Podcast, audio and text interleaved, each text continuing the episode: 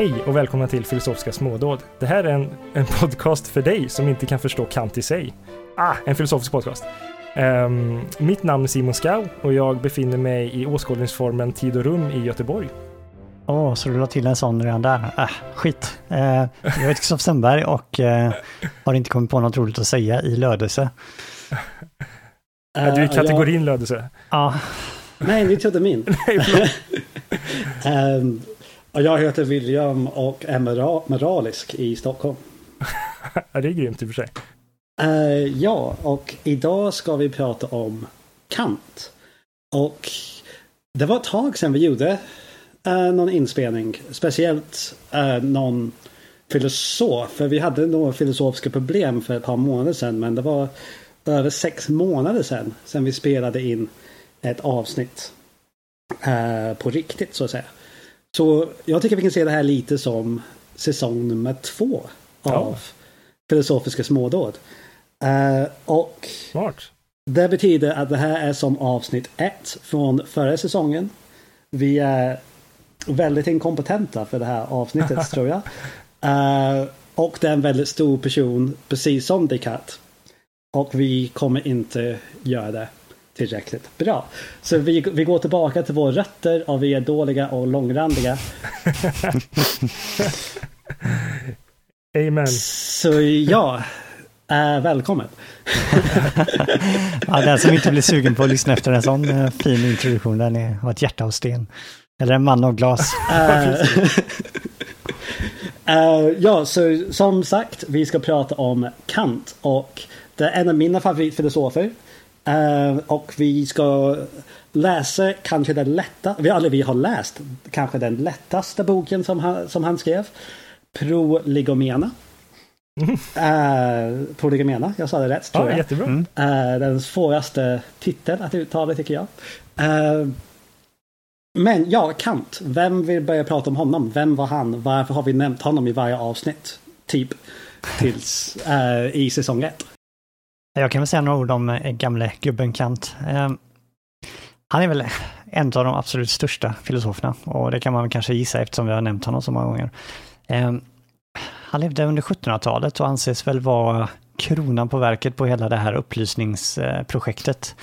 Hans filosofi var väl liksom slutpunkten för den, liksom, att det, det var det, den här optimismen som fanns under upplysningstiden fick sin eh, största företrädare hos Immanuel Kant. Men han blev också det som på något sätt satte punkt för eran och ledde till andra, eh, andra utvecklingar och sådär.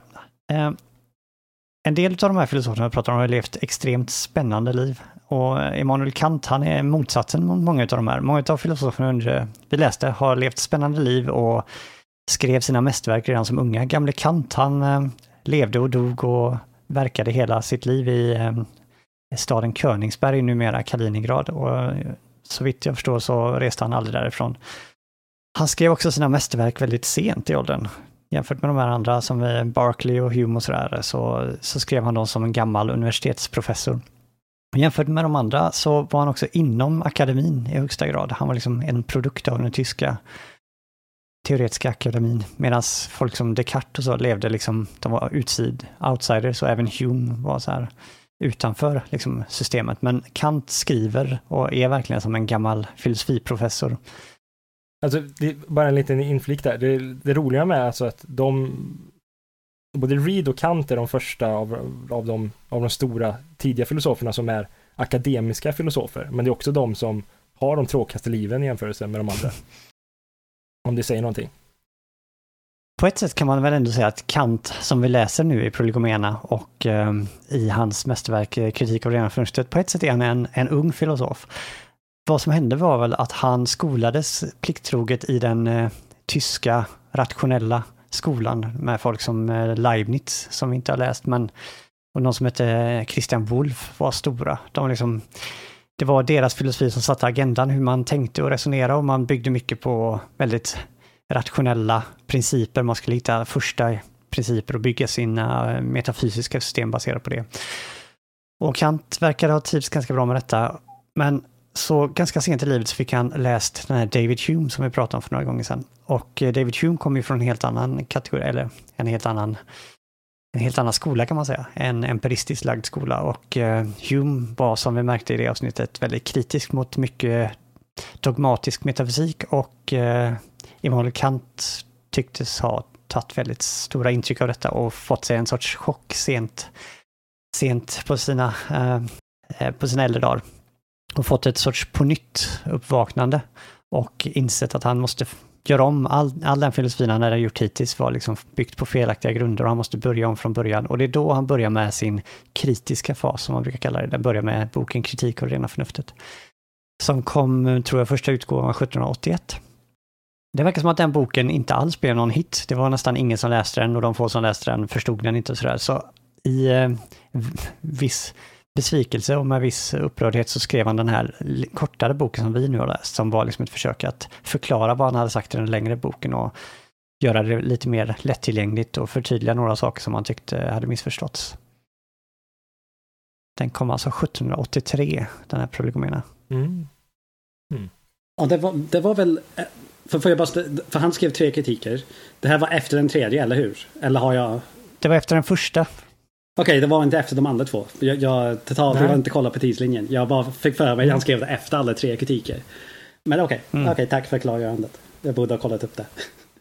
Ännu flummigare är så här att han skrev den första kritiken av rena förnuftet som är en sån här riktig klassiker 1781.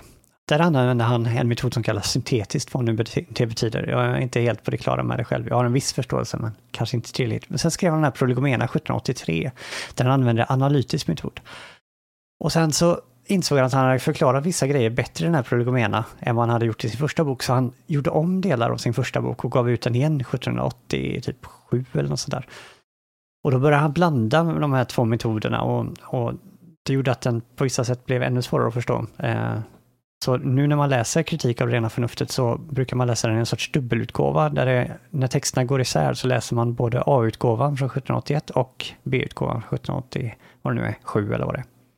Mm jag skulle bara vilja säga en sak till om biografin eller hans, hans roll i filosofihistorien. Eh, om man kollar jämfört med eh, andra filosofer eh, så har de varit väldigt ehm, de har, de har vissa tekniska begrepp, All, alla har typ eh, Reed hade sin common sense som var rätt teknisk, men han använde väldigt liksom vardag, liksom allmän vedertagna begrepp, samma sak med Hume och Descartes, de använde liksom inget nytt språk så att säga. Det var fortfarande vedertagna begrepp som alla använde. Kant är den första filosofen som på något sätt liksom skapar sig ett eget språk och ett eget system. Och det som är väldigt intressant med Kant är att, eh, vilket jag hade jätteproblem när jag läste nu, det är att eh, alltså, jag har ju läst Kant förut och älskade det verkligen. Eh, och så har jag hört väldigt mycket om Kant. Så jag har en förförståelse för vad han ska säga. Men nu när jag läste det så kände jag att jag kunde inte riktigt, jag var inte tillräckligt smart den här gången, som jag kanske var förr, eller gav tillräckligt med energi för att Alltså han, han presenterar allting i en specifik ordning av en viss anledning och allting är i underkategorier med speciella namn och han har ett, alltså hans tekniska språk och hans tekniska sätt att lägga fram det på. Och det här är ju det tillsammans, alltså tillsammans med att han var så, att han, att han är så grym det han gör eh, och att han är så teknisk gav någonstans också ett steg ifrån, gjorde filosofin att den skilde sig från andra vetenskaper. Eh, F, fram till Kant ungefär så, så kunde man hålla på med psykologi och filosofi samtidigt eller andra vetenskaper. Men efter Kant så blev filosofi något eget och man skapade egna tekniska språk, egna tekniska system och skapade egna världar så att säga. Um, som kanske är precis det Kant inte ville ha. Men... Nej, nej precis. Men det är en lite intressant grej tänker jag i alla fall. Mm, det där är väldigt intressant. Jag tänker på när man läser Hume. Det är ju ändå på något sätt, fast det är så gammalt, så är det att läsa som en, en vanlig människa på något sätt. Kant är som en gammal trollkarl. Han är som att man måste läsa sju år på trollkarlsskola i Hogwarts för att liksom ja, lära sig hans precis. mystiska system. Han är verkligen en produkt tycker jag av den här tyska skolan. Och många av de här begreppen kanske var sånt som på den tiden i den miljön var liksom allmänt vedertagna men som nu är väldigt svårt. Jag tror han skapade det mesta själv alltså. Men en sak som är sympatisk med Kant är att han är väldigt öppen tycker jag i den här boken med att han inte skriver bra. Han tycker själv inte att han är duktig på att förklara på ett enkelt sätt och han skriver flera gånger att ack om bara alla var lika duktiga på att skriva som David Hume och hade David Hume kommit på de här tankarna jag nu har kommit på skulle han säkert ha uttryckt det här mycket bättre men tyvärr, liksom, jag är den jag är och jag säger det så här. Jag tycker Kant är bra trots att han skriver som han gör men eh, en, om jag får jag tror att det är så att efter Kant så blev det lite på modet att skriva som Kant. Mm. Att hans svåra stil, som han nog inte vill, han ville nog inte själv att det skulle vara svårt, men han skrev som han gjorde. Eh, och efter det blev det liksom på mode och Hegel, Källing och Fichte och sådär, det blev liksom en trend att skriva väldigt akademiskt torrt och abstrakt och sådär. Eh, så mm. det är nog en utveckling som Kant själv skulle tyckt var väldigt dålig. Men man kan också även säga hela den analytiska filosofin som kom från den anglosaxiska världen. Där, där är också lite inspirerad av Kant att vara så ja, väldefinierad som möjligt. Så, så det är både den abstrakta, jag ska inte säga flummig, Hegel och den kontinentala filosofin som kom efter. Och den väldigt precis, specifikt analytisk skolan som kom eh, vid sen 1800-talet. Som eh, är också någon sorts reaktion till Kant eller inspirerade av den här stilen så att säga. Många analytiska filosofer skapar verkligen ett eget värld, liksom egen eget schema hur man ska gå, gå igenom. Man ska definiera jättemånga nya termer och omdefiniera massa termer i början och så ska man gå igenom allt eftersom så att säga. Det är väldigt likt Kant. Mm. Uh, ska vi gå vidare? Ska vi gå igenom vad, vad, vad, ja, ska vi säga, ja, ska vi börja helt enkelt? Mm. En inledning. Vad fan är poängen um, med det? vad vill han? Jag tänkte bara några korta ord om vad, Kant, vad som driver Kant här och lite en skissartad variant av vad det är, hur han tänker sig att han uppnår det han vill uppnå. Jag tycker, och ni får gärna säga emot mig, men jag tycker jag ser många likheter mellan Kant och Descartes på så vis att både Kant och Descartes eh, ser sig om på filosofin och metafysiken och blir förskräckta över vilket tillstånd de finner verksamheten i. Nämligen ett tillstånd där folk man kan inte avgöra vilka som är duktiga och vilka som är bara fake och vilka som är experter. Och det är ett e- evigt käbbel där mm, ibland så vinner ena sidan, men kanske mest genom att de lyckas övertala de andra, inte för att de har bra argument, utan för att någonting blir på modet. Så här. Och man kan liksom inte, man kommer, man gör inte framsteg inom metafysiken på samma sätt som man gör inom eh, naturvetenskapen. Och precis som Descartes ville riva ner det här eh, ruttna huset och bygga något nytt, så tycker jag att Kant verkar vilja göra samma sak. Han vill också riva ner och hitta en ny metod, den kritiska metoden som man kallar det. Och eh, hur han gör det är att han vill, på ett sätt vill han begränsa filosofin till att istället för att titta på hur världen är i sig själv så ska vi titta på vår upplevelse av världen, vår erfarenhet och våra tankar om världen. Men inte bara det, för det hade varit ren idealism eller kanske till och med lite skepticism. Han vill också titta på gränserna och formerna för hur vår erfarenhet måste te sig för oss. Inte alltså bara vad vi faktiskt upplever, utan vilka former den här upplevelsen måste ha för att vi ska kunna ha den som upplevelse. Det, det kommer att bli klarare längre fram, men man brukar göra en liknelse som är, hoppas jag, pedagogisk. Att Kants, Kants sätt att vända den filosofiska blicken mot vår, egna, vår egen erfarenhet, vårt eget medvetande, är som att göra en liknelse med ett par glasögon. Tänk att vi tittar på världen genom blå glasögon, då skulle liksom världen te sig blåaktig. Men om vi aldrig någonsin kan ta av oss de här glasögonen så skulle vi liksom inte ens märka på det sätt glasögonen färgar vår upplevelse. Och så, lite så tänker sig Kant att vi, all våra tankar, all vår um, erfarenhet färgas av ett par glasögon som vi aldrig någonsin kan ta av. Och vårt medvetande och våra tankar och vår erfarenhet de får ett råmaterial utifrån världen, men detta råmaterial bearbetas av oss, av någonting i vårt medvetande. Vi kommer att prata om kategorier och åskådningsformer, men man tänker sig helt enkelt att det är som en fabrik som bearbetar råmaterialet och levererar en sorts slutprodukt till oss. Och den här slutprodukten, det är vår erfarenhet och den ser ut på ett visst sätt. Och vi får naturligtvis kunskap om hur den ser ut, men vi kan också få viss kunskap om, låt säga glasögonen eller om själva fabriken, det vill säga kategorierna som påverkar de här. Men vi kan däremot inte få kunskap om hur råmaterialet ser ut utanför fabriken eller bortom glasögonen. Mm. Mm. Precis. Men det är kanske en del av konsekvenserna av Kants teori, kanske inte det ursprungliga målet med Kant dock. Men det ligger någonting i det du säger. För att det jag ja. hämtade var nämligen från slutet på boken. Det var ja, liksom där jag tycker att, ah, nu fattar jag vad Kant är ute efter. Precis, och det är lite av det som jag vet Kristoffer, du brinner för lite grann om så här, vi, vi måste komma åt världen. Mm. Uh, du vill ta glasögonen eller du vill på något sätt uh, mm. titta in i huvudet så mycket att man spränger glasögonen på något sätt. Jag, jag vet inte hur det kommer ske men uh, att det finns någon slags realistiskt hopp att de här glasögonen försvinner.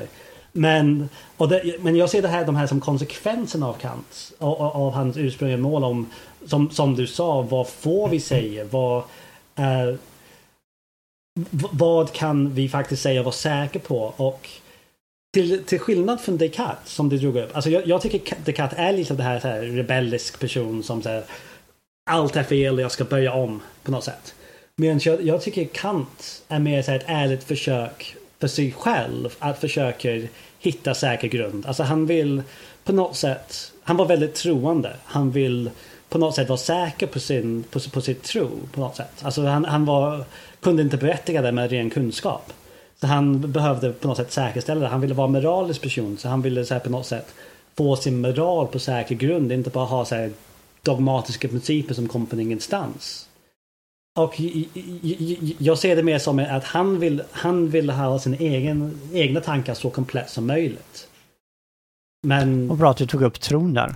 Men just det, det, det var intressant just varför, hur är det ett skydd av religionen att visa att vi aldrig kan ha kunskap om det? Det låter kanske konstigt att genom att visa att vi aldrig någonsin kan ha kunskap om Gud så skyddar man religionen. Men på ett sätt är det logiskt. Jag fick det förklarat om mig i någon föreläsning någon gång att eh, eh, förr i tiden innan eh, Kant så trodde man att man kunde bevisa Gud till exempel. Man, man trodde att Gud var en sån sak som man kunde få kunskap om.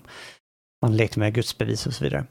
Eh, problemet var att på den tiden så naturvetenskap gjorde allt mer och mer framsteg och blev mer och mer liksom, aggressiv. Man kunde förklara mer och mer skäl och så vidare. Och eh, man började använda den sortens argument mot eh, Gud och sådär. Ehm, Genom att avskärma det religiösa från, helt och hållet från naturvetenskapen. Så å ena sidan så ger man upp tanken på att man kan bevisa Gud på samma sätt som man bevisar gravitationsteorin eller vad som helst.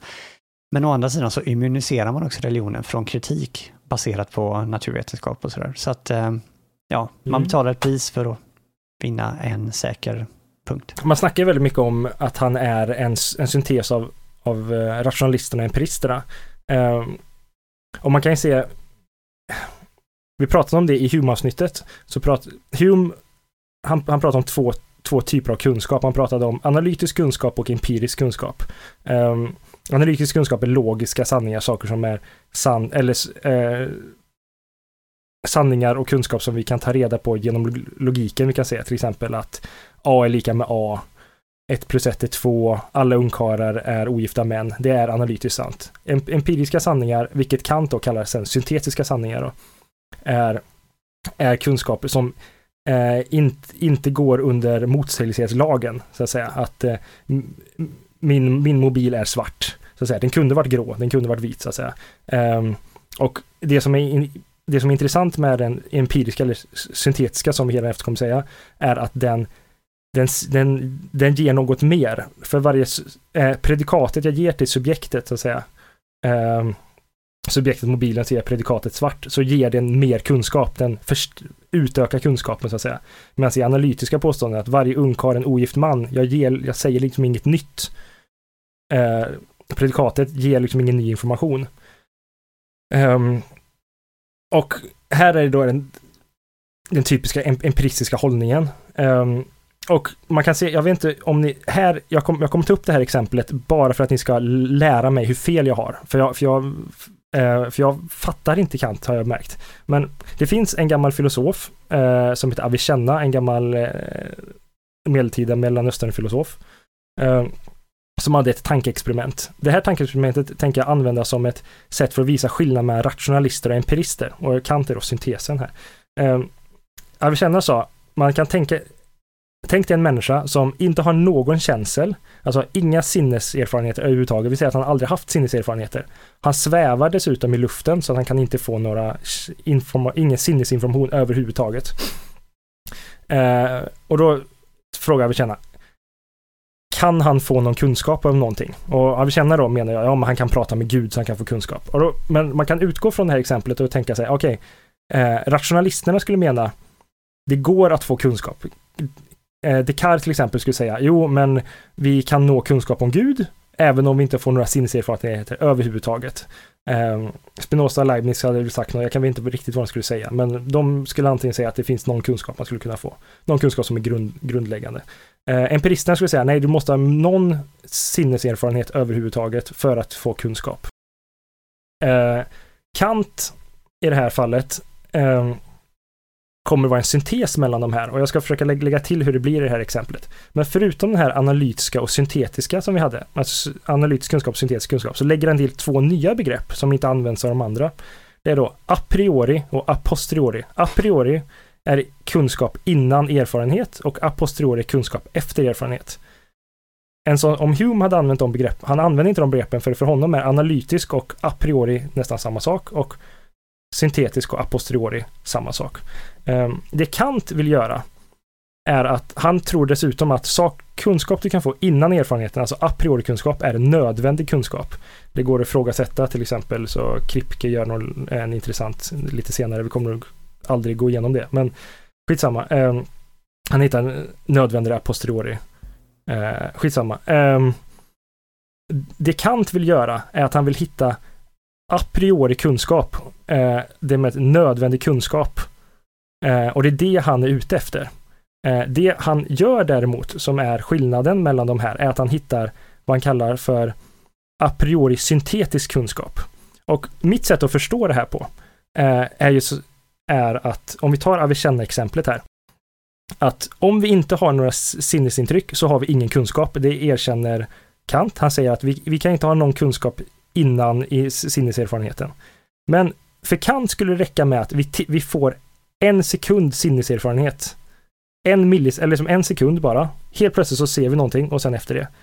Utifrån den erfarenheten, då får vi syntetisk a posteriorikunskap. Vi ser, okej, okay, det var ett rött äpple där. Men sen bara baserat på den kunskapen så kan vi analysera våra glasögon som, som William och Kristoffer pratade om.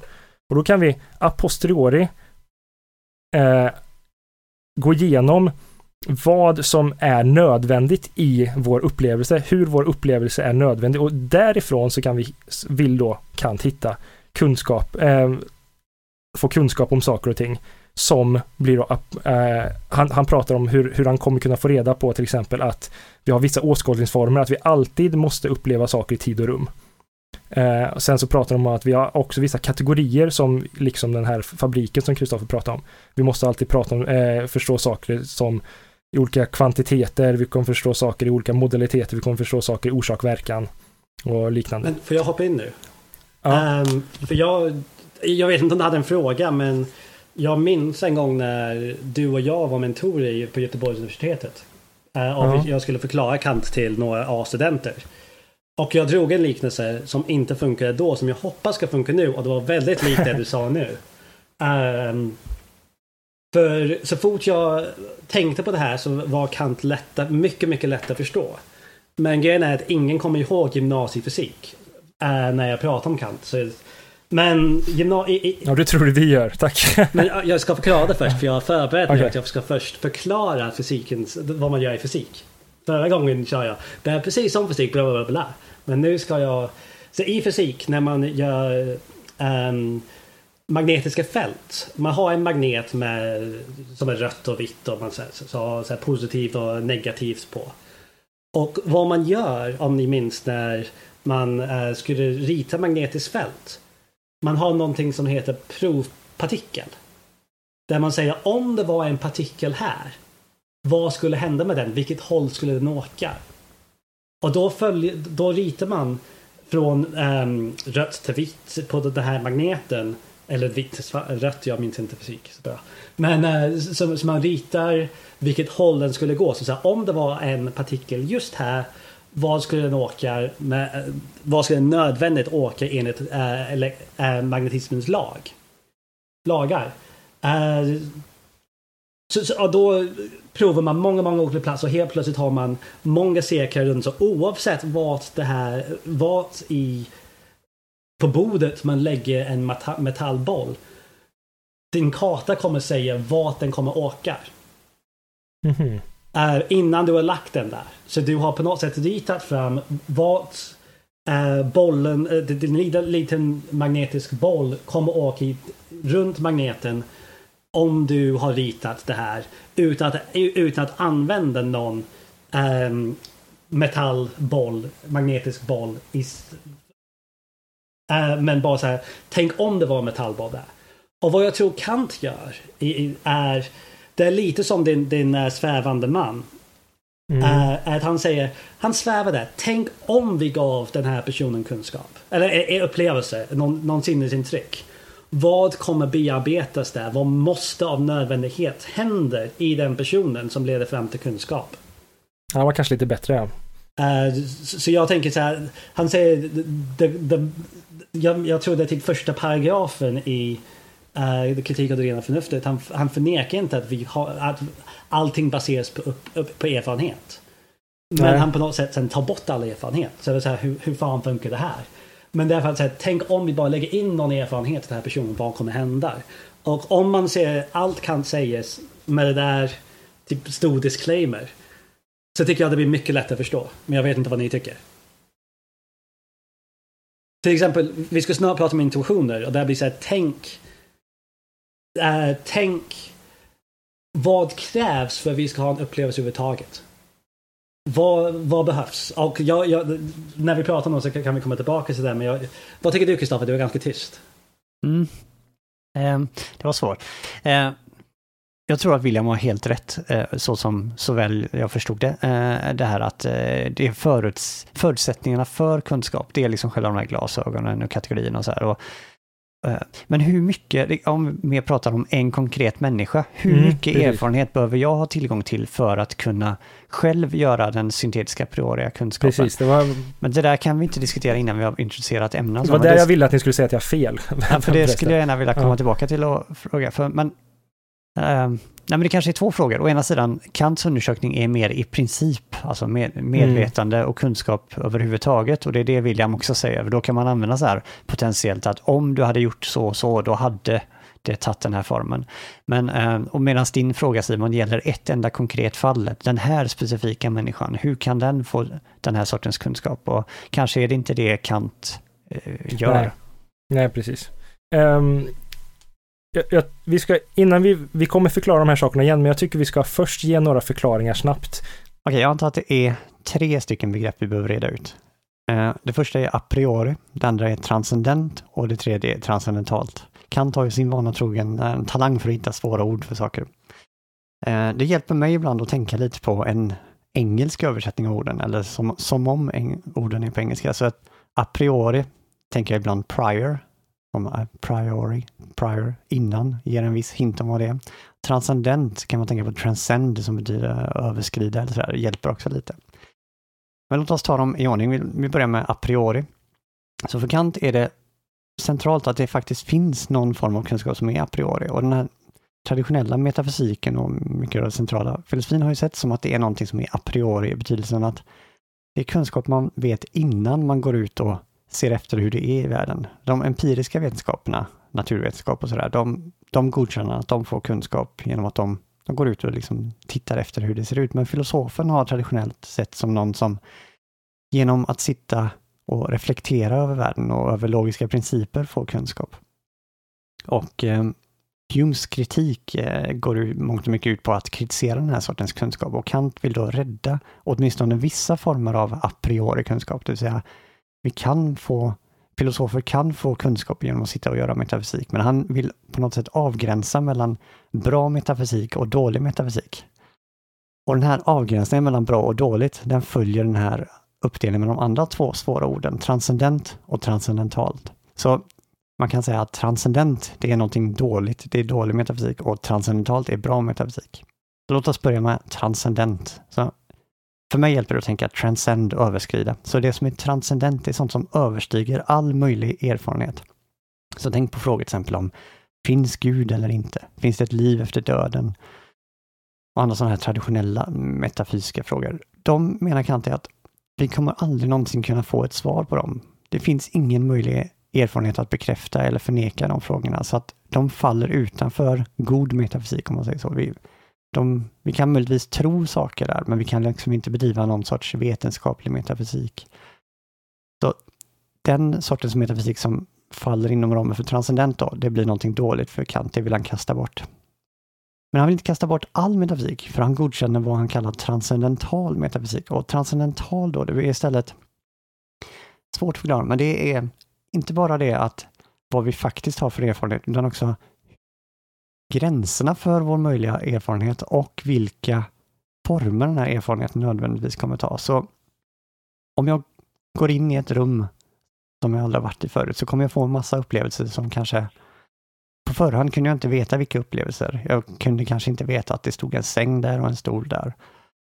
Men kan menar att det finns viss sorts kunskap som jag kunde veta redan innan jag gick in i det här okända rummet så kunde jag veta att det kommer finnas objekt där. Det kommer att, jag kommer att uppleva det i en viss tid. Alltså min upplevelse kommer att ta tid. Och jag kommer att se ett sorts tredimensionellt rum.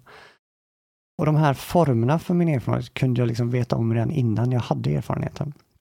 Och den sortens kunskap, alltså de kunskap om de nödvändiga förutsättningarna för vår erfarenhet, det är vad Kant kallar transcendental kunskap. Jag kan ta upp transcendental intuition om rummet nu, för, för det, kan, det kan förklara saker. Uh, jag vill bara säga en, en, en snabb sak. Intu- ja, förlåt. Mm, uh, för jag tror det här kommer förklara. Eller vad, vad ska du säga först? Förlåt. För jag vill... Ja, i, i, i, den engelska översättningen är, är det intuition. I den svenska översättningen är det åskådlighetsformer. Oh, förlåt. Åskådning överhuvudtaget. Åskådning. Ja, uh, alltså det... Ursäkta. In, ja, ja. Nej, nej. Du, du, du, kan använda det väl bara så att eh, lyssnaren vet, ja, vet. Uh, vet vad vi pratar om. Så van att säga intuitions. Um, mm. Ja, jag läste den på engelska så för mig är det också intuitions. Ja, men jag läste det här på svenska. Så det, så, så, Oj, vad fan läste jag den på engelska för? Ja, ja. Jag läste i mars. Så det, det, ja, det tog okay. lite tid innan vi spelade in det här. uh, och jag läste lite tycker jag redan förnuftigt idag på engelska.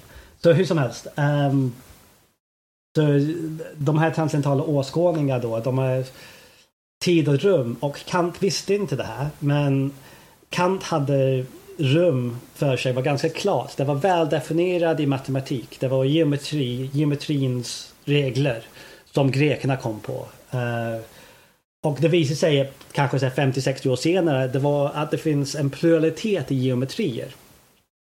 Så, så världen i sig är inte Det kan vara vilken av de här ähm, geometrier som helst. Det, det fanns en vetenskaplig artikel ganska nyligen som sa att universum är tvådimensionell. Det var så här att, att allting är tvådimensionell och hela den här 3D, fyrdimensionell värld är bara en, um, en, en, illusion på något sätt. Att, att de hade lite så här anledningar varför de tyckte att det skulle vara tvådimensionell. Mm -hmm. uh, så, det, så om det var sant, det skulle vara världen i sig var tvådimensionell. Men det mm. spelar ingen roll för oss. Det är tredimensionell. Det här det följer de här gamla grekernas intuitioner om hur kanterna rör sig i tiden. Att, att, inte i, i, i, rum, förlåt. Att, att om man har två, um, två paralleller um, linjer de kommer aldrig korsar. Det var någonting som Kant trodde på helhjärtat. Det visar inte vara sant i vissa geometrier. Så det är det som blev ett stort problem, tyckte många för Kant, att han hade fel om rum. Men samtidigt kan man säga den transcendentala rummet, som, som, den transcendentala åskådning om rummet som Kant pratar om, är det som är, rummet är för oss. Och det är precis som gymnasiegeometri beter sig som. Mm. Ja, Reed motbevisar det. Men ja, skitsamma. För Kant i alla fall. Um, ja. uh, men okej. Okay.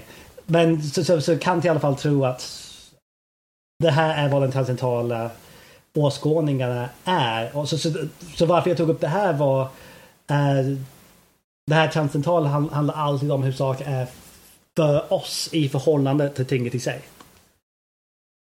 Kan jag göra en sån jätteförenkling? Det kanske blir barnsligt, men om man tänker så här att vi hade eh, råmaterialet och vi hade fabriken och vi hade slutprodukten. Och slutprodukten är vår erfarenhet. så skulle jag säga att råmaterialet där ute som vi inte har någon kunskap om, det är det transcendenta. Fabriken, det vill säga åskådningsformerna som tid och rum som William pratade om och de här kategorierna substans, orsak, verkan och så vidare. Alla de är transcendentala, alltså för själva fabriken. Jag känner att vi, um, jag känner, eh, vi har lagt fram lite, alltså hur man skulle kanske kunna se att han Alltså det här är ju lite problematiskt vi kanske ska dyka in i det efteråt, vi får se. Men hur han, hur, hur de här åskådningarna, han skiljer mellan åskådningsformer som är inom, för honom då inom den estetiken som en, en viss egen vetenskap för sig och sen har vi då analytiken. Men estetiken då är den som analyserar åskådlighetsformerna enligt honom. Och åskådlighetsformerna är då eh, de eh, tid och rum som han menar att vi, vi Alltså, vi tar med oss, eller det, det är fabriken som Kristoffer, väldigt bra eh, liknelse, jag har aldrig tänkt på den förut faktiskt, eller hört den. Men det är de grejerna vi tar med oss när vi upplever någonting. Så att när vi, vi kan bara uppleva saker i tid och rum. Och det skulle vi enligt Kant göra oavsett om det finns tid, eller, tid och rum. Så vi tar med oss tid och rum till vår upplevelse så att säga. Och han pratar då om att rum, alltså det är tid och rum, är tidrum egentligen, men tid och rum, rum är då den yttre eh, egenskapen och tid är den inre egenskapen. Från rum då så eh, utifrån, eh, och, och, det här är då, kan man se rätt hyfsat lätt att det är syntetiskt a priori, att det är före erfarenheten för att vi vet att all erfarenhet vi någonsin kommer kunna ha kommer alltid vara i, tid, i upplevelsen av tid och rum. Vi kan inte tänka oss att vi skulle kunna uppleva någonting som inte är tid och rum. Så att säga. Så att så, så sätt är det a priori. Eh, det är syntetiskt på det viset att vi faktiskt säger någonting om framtida erfarenheter. Så att säga, så vi får ny kunskap så att säga. Eh, det, det kulminerande så att säga.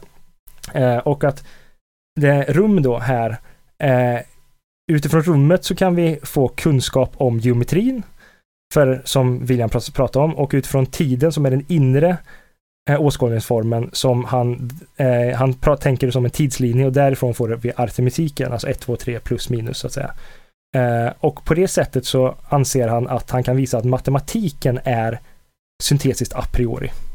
Eh, bara för att kalla i förväg sen, när han pratar om analys, an, analytiken, han pratar om kategorierna som, som inte är åskådningsformer, utan det här låter jättetråkigt, men som är förståndet. Nej, förnuftet. Nej, förståndet. De har vissa kategorier då. Som till exempel, vi kommer alltid uppleva saker i orsak-verkan, vi kommer alltid uppleva saker som många eller inget eller liknande. Ehm, men vad tycker ni? Ska vi gå in och prata om matematiken där, om det håller eller inte? Eller vad? Jag har en... För, för det här är faktiskt en förvirring jag hade i... i eller så här, en kritik mot Kant. eh, som... Jag är intresserad av vad eh, ni tycker. Och det, förhoppningsvis det, det kan, kanske kan förklara återigen vad det här a priori och a posteriori och analytisk och syntetisk är. Um, tid och rum. När han faktiskt säger de är tid och rum.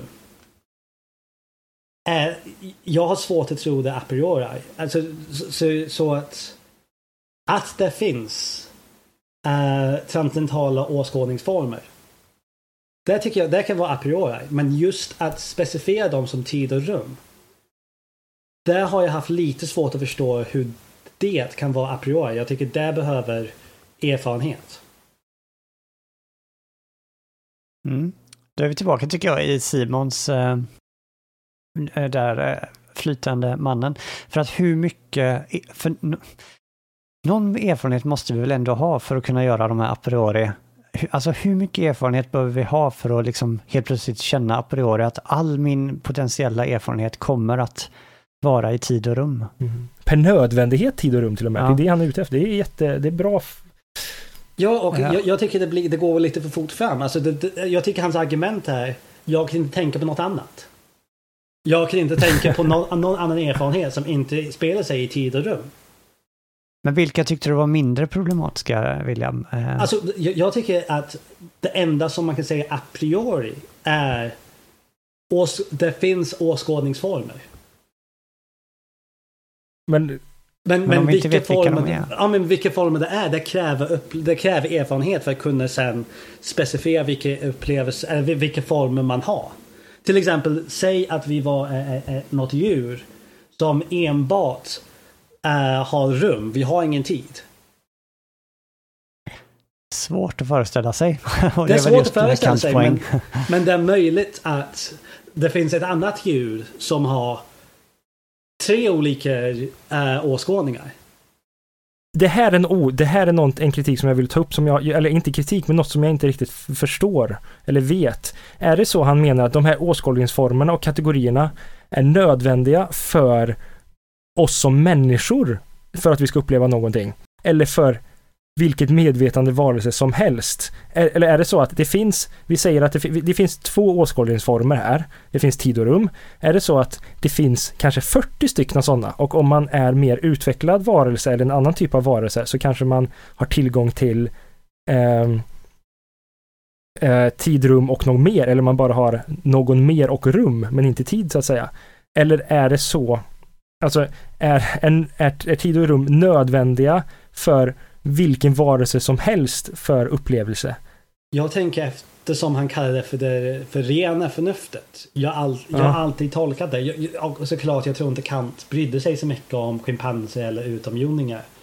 Men jag har alltid tolkat det som det, det måste gälla för alla. Ja, då, då är jag skeptisk alltså. Men även om, det var, även om det var människor, man kan säga tänk det finns en människa som inte kan uppleva tid. Att jag var så här, bara så här, inte kunde se saker i tid alls. Att jag tyckte allting var i nuet. Jag hade ingen historier. På något sätt. Alltså jag vet inte hur det skulle... Eller, eller vi säger jag har inget rum på något sätt. Att det blir det här svävande man, mannen igen och... Men det äh, finns ju vissa typer av... Um, kanske kan uppleva tid men inte rum. Men du, nu, nu kommer jag skämma ut mig själv här, men det finns väl vissa typer av, är det inte af, olika typer av afasi Eh, där man faktiskt inte ser objekt så att säga. Mm. Eh, man ser inte helheter. Eh, alltså att ehm, man kan viss, alltså vissa problem man kan få via hjärnblödningar och liknande så att säga. Kan man, antingen kan man vara så att man kan inte nämna ett objekt. Jag kan hålla en kopp framför mig men jag kan inte veta att det är en kopp så att säga. Men vissa typer av upplevelser är att man kan faktiskt inte se det som en helhet. Mm. Man, man ser aldrig helheten överhuvudtaget. Eh, man, man, kan ju fortfarande argumentera för att man ser det i rummet, men det blir, blir, blir mer problematiskt. Det finns också, också problem med att se det i tiden. Det finns vissa som har, jag vet inte vad det, vad det är för typ av grej, men att man, jag läste om det i någon kurs, eh, att man, att om man ser en hund springande emot sig så att säga, så ser man den ungefär som om man skulle se en filmremsa, så klipper man bort random eh, 80 procent så att säga. Det ser ut som att den verkligen hoppar fram. Eh, jag kommer inte ihåg vad den eh, problematiken heter, men eh, skulle det vara en kritik mot, mot att människor har? Ja, men det, det, är just det som... Alltså jag har inget emot om man säger ja, men specif specifikation av tid och rum kräver lite erfarenhet, men jag har inget emot om man går bara tillbaka till det finns bara transcental, det finns transcendentala åskådningar. Det är en a mm. priori san, sanning. Det skulle jag mm. kunna köpa. Men just att sen specificera dem. Det, det, jag har samma problem med kategorierna sen. Ja, jag tänkte väl, ja, jag förstår. uh, men, och det har jag alltid haft, men när jag läste det här gången tänkte jag oj just det, de, de går att, det här kritiken går att applicera på själva åskådningen också. Mm. Att jag bara förstår inte vart fan kom de ifrån förutom att kan säga jag kan inte tänka på något annat. Och det, för mig är det inte en tillräckligt bra anledning att säga det är tid och rum för att vi kan inte tänka oss något annat som inte är tid och rum. Alltså vi kunde inte tänka oss internet för hundra år sedan kanske. Så där... Men okej, okay, tänk dig, det här är ett typiskt... Kristoffer, har du tänkt dig en eh, motvändning? Annars kommer jag göra en Kristoffer-motvändning här. Okej. Okay. Mm -hmm. Jag vet inte vad Kristoffer ja, motvändning är, så det här kommer inte jag heller. Jag ska, det ska bli spännande oh, ska, ska, vi, nej, ska vi försöka a priori äh, komma på vad en Kristoffer-invändning ja, är? Det här är en Kristoffer-motvändning. Det är som att säga att, att um, förklara fenomenellt medvetande. Att, så här, att vi har fenomenellt medvetande. Men man behöver liksom inte förklara för någon att man har fenomenellt medvetande. Det räcker bara med att peka på det. Så att säga, den här upplevelsen är här. Jag kan inte förklara den mer än att säga här. Eller upplevelsen av röd. Jag kan inte förklara den mer än att peka ut när jag tittar, när du tittar på den där saken så att säga. Det går inte att förklara mer. Mm. Det räcker att jag pekar ut eller att jag, jag ha kan den. inte göra... Vad sa du? Eller att ha den. Du behöver inte ens kunna peka ut den, utan att Nej. ha den är... Eh, och, och, det, och det är ungefär där Eh, för, för jag håller med dig William, för Kant har problem i både i, i åskådningsformerna här och i kategorierna, att han bara rabblar upp dem. Men jag, jag, och jag har varit emot det, verkligen. Men de senaste dagarna för första gången på 5-6 år så har jag börjat tänka på att men om de här är sanna, så att säga, om, man har, om vi säger att han har 100% rätt här, behöver han något mer än att bara peka ut dem? Och den viktigaste frågan är egentligen, är det här en Kristoffer-invändning? Men det, det som blir det svåra då är vad är för oss biten? Um, om man tänker det här tingen för oss, vem är oss i det här? Mm. Ja, hans, hans intensitivitet är ju jätteproblematisk. Är, är det friska människor? Ja, men precis. Uh, och är det friska människor som bor i, uh, som är utbildad och uh, bor i Tyskland? Eller alltså det, det är ju... Det var väl den historiska utvecklingen efter Kant, att nästa naturliga steg var att okej, okay, från att alla människor har glasögon som vi aldrig kan ta av, så är nästa utveckling att alla kulturer har sina egna glasögon. Mm. Cliffhanger till kassere. Um... Även Hegel och så kan man väl tänka sig att det är en liknande analys. Jag är bara orolig William, eh, jag tänker bara nu på din kritik här att okej, okay, vi kan veta a priori, vi har kunskap a priori om att vi har åskådningsformer och kategorier, men vi vet inte vilka de är. Hur mycket av Kant och den transcendentala idealismen blir egentligen kvar? Alltså, Kant menar ju så här att ja, men här finns ändå någonting positivt att säga. Vi har liksom inte bara liksom slutprodukten och erfarenheten, vi har också kunskap om fabriken. Eh, men det här tycker jag är ett ganska hårt slag mot den här fabriken. Det blir, vad som blir kvar är ungefär, det finns en fabrik, vi har ingen aning om hur den är befattad och vad den gör med produkten. Men någon sorts fabrik måste det finnas. Är det korrekt um, uppfattat? Mitt svar på det här är också en till cliffhanger innan, innan eh, för förkasser. Tänk på att istället för en fabrik, vi har fem fabriker. Alla tillverkar kläder. Vilken kläder är bäst? Vilken kläder om sanna kläder? Uh, istället för kläder så nu är det upplevelser, erfarenheter, tolkningar, sanningar. De har olika maskiner i de här fabriker. De har olika åskådningar. De har olika kategorier. Alltså de har olika sätt att placera saker i tid och rum. De har olika sätt att sen förstå de här sakerna som finns i tid och rum i de här fabrikerna och då har man olika sanningar som kommer fram sen. Och jag tycker, som vi pratade om för de här, på det här filosofiska problem, ett eller två, minns inte vilket det var, är att det leder till någonting som jag tycker är jättepositivt. Uh, det är Kant försöker, som du sa i början, rita upp ramarna för vad är kunskap, vad är inte kunskap.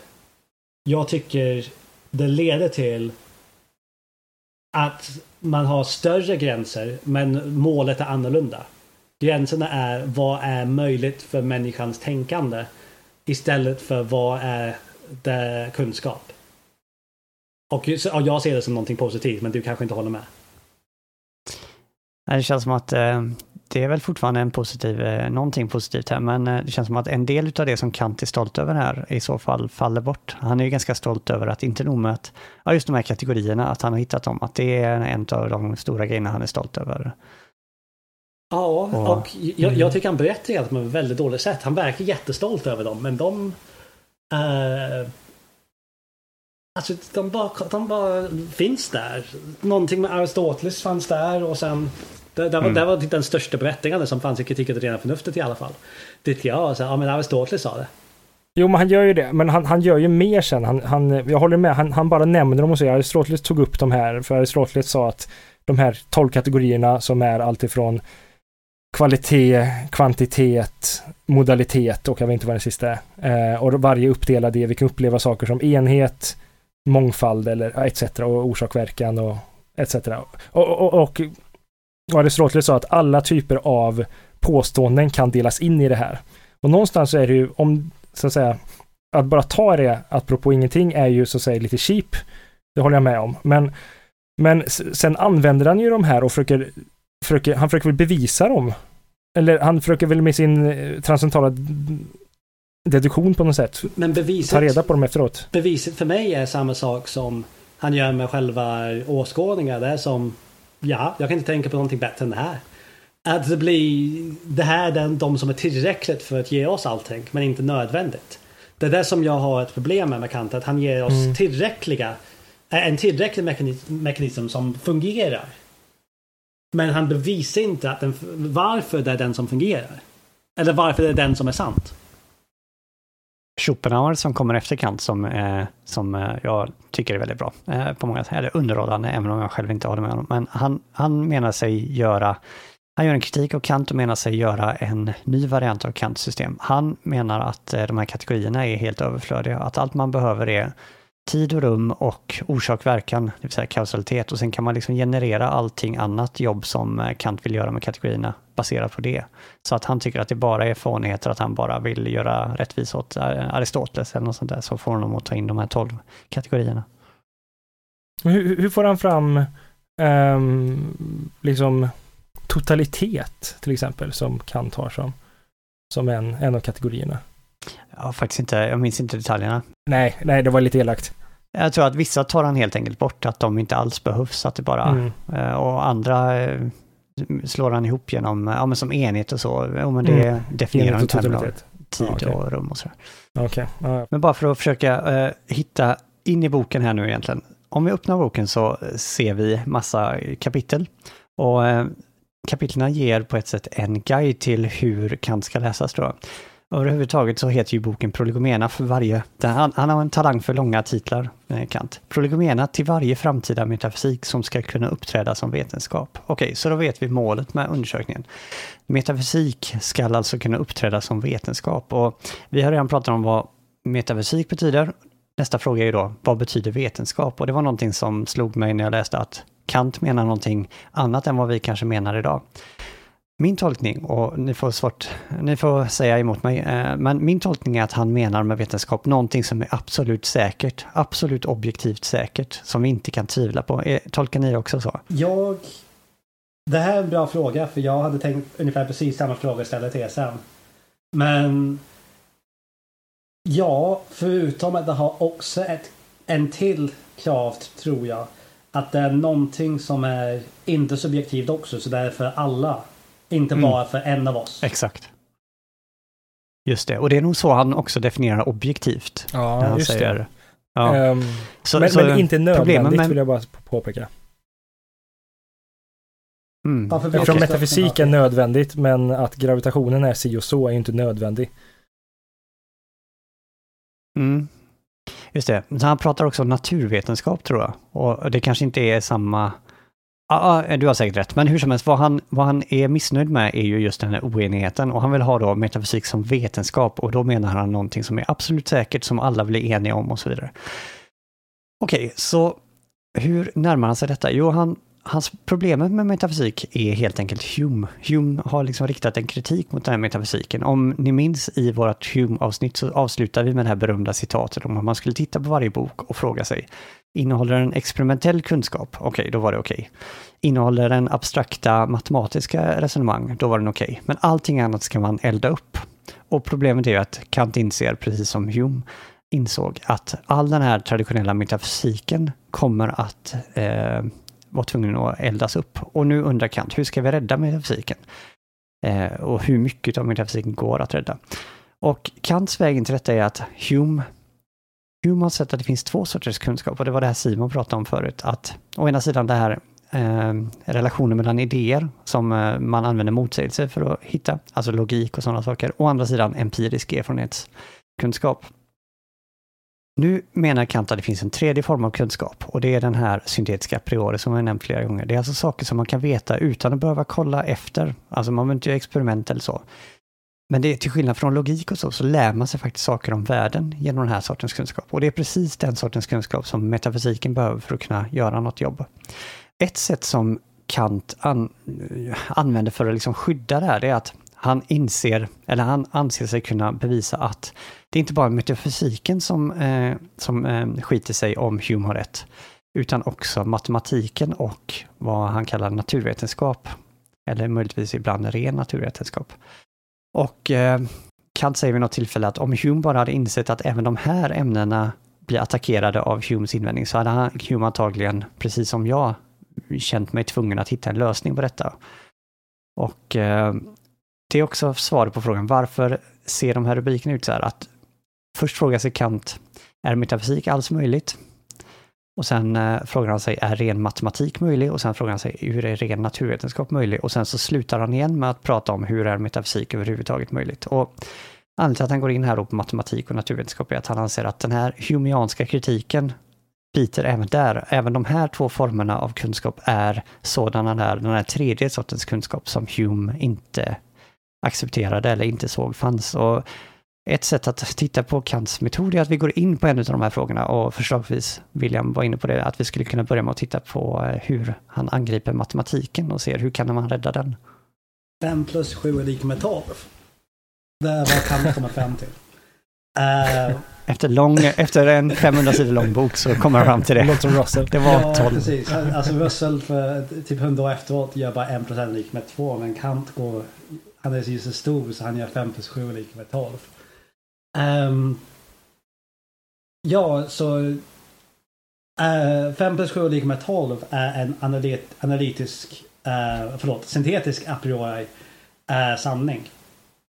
Enligt Kant. Uh, och det är för att uh, om man har möjlighet att räkna 5 plus 7 är lika med 12. Det är om man säger 5 plus 7 är lika med 17. Det, det följer den, det här motsägelselagen som Kristoffer pratade om. Så det, det är a priori kunskap. Motsägelselagen är väl analytisk? Ja, precis. Där var vi ju för jättefel. Ja. Um, ja. Varför är det a priori? Nu när jag försöker tänka efter. Jag, jag, jag, har alltid bråkat varför det är syntetiskt men jag har aldrig så här, försökt fundera på varför det är a priori. För att, eh, antar för att vi inte behöver liksom titta efter, vi behöver inte kolla, vi behöver inte räkna äpplena ute i världen för att veta att det är 12, utan vi kan liksom sitta med bara tankar och komma fram till att det är 12. Um, ehm, och varför det är syntetisk är för att i 12, äh, i 5 och 7 det finns inte 12. Man kan inte hitta 12 i 5 eller 7. Det är någonting annat än 5 och 7 som man kommer fram till. Ah, ah, nu fattar jag. För jag fattar det som tvärtom. Vilket jag tyckte var lite problematiskt. Man kan inte i 12 hitta 5 eller 7. Ja, det, jag tror Men... det där med. Alltså alla siffror är oberoende mm. av varandra, olika entiteter. Så säga, alltså det finns ju vissa som skulle säga att det inte är sant.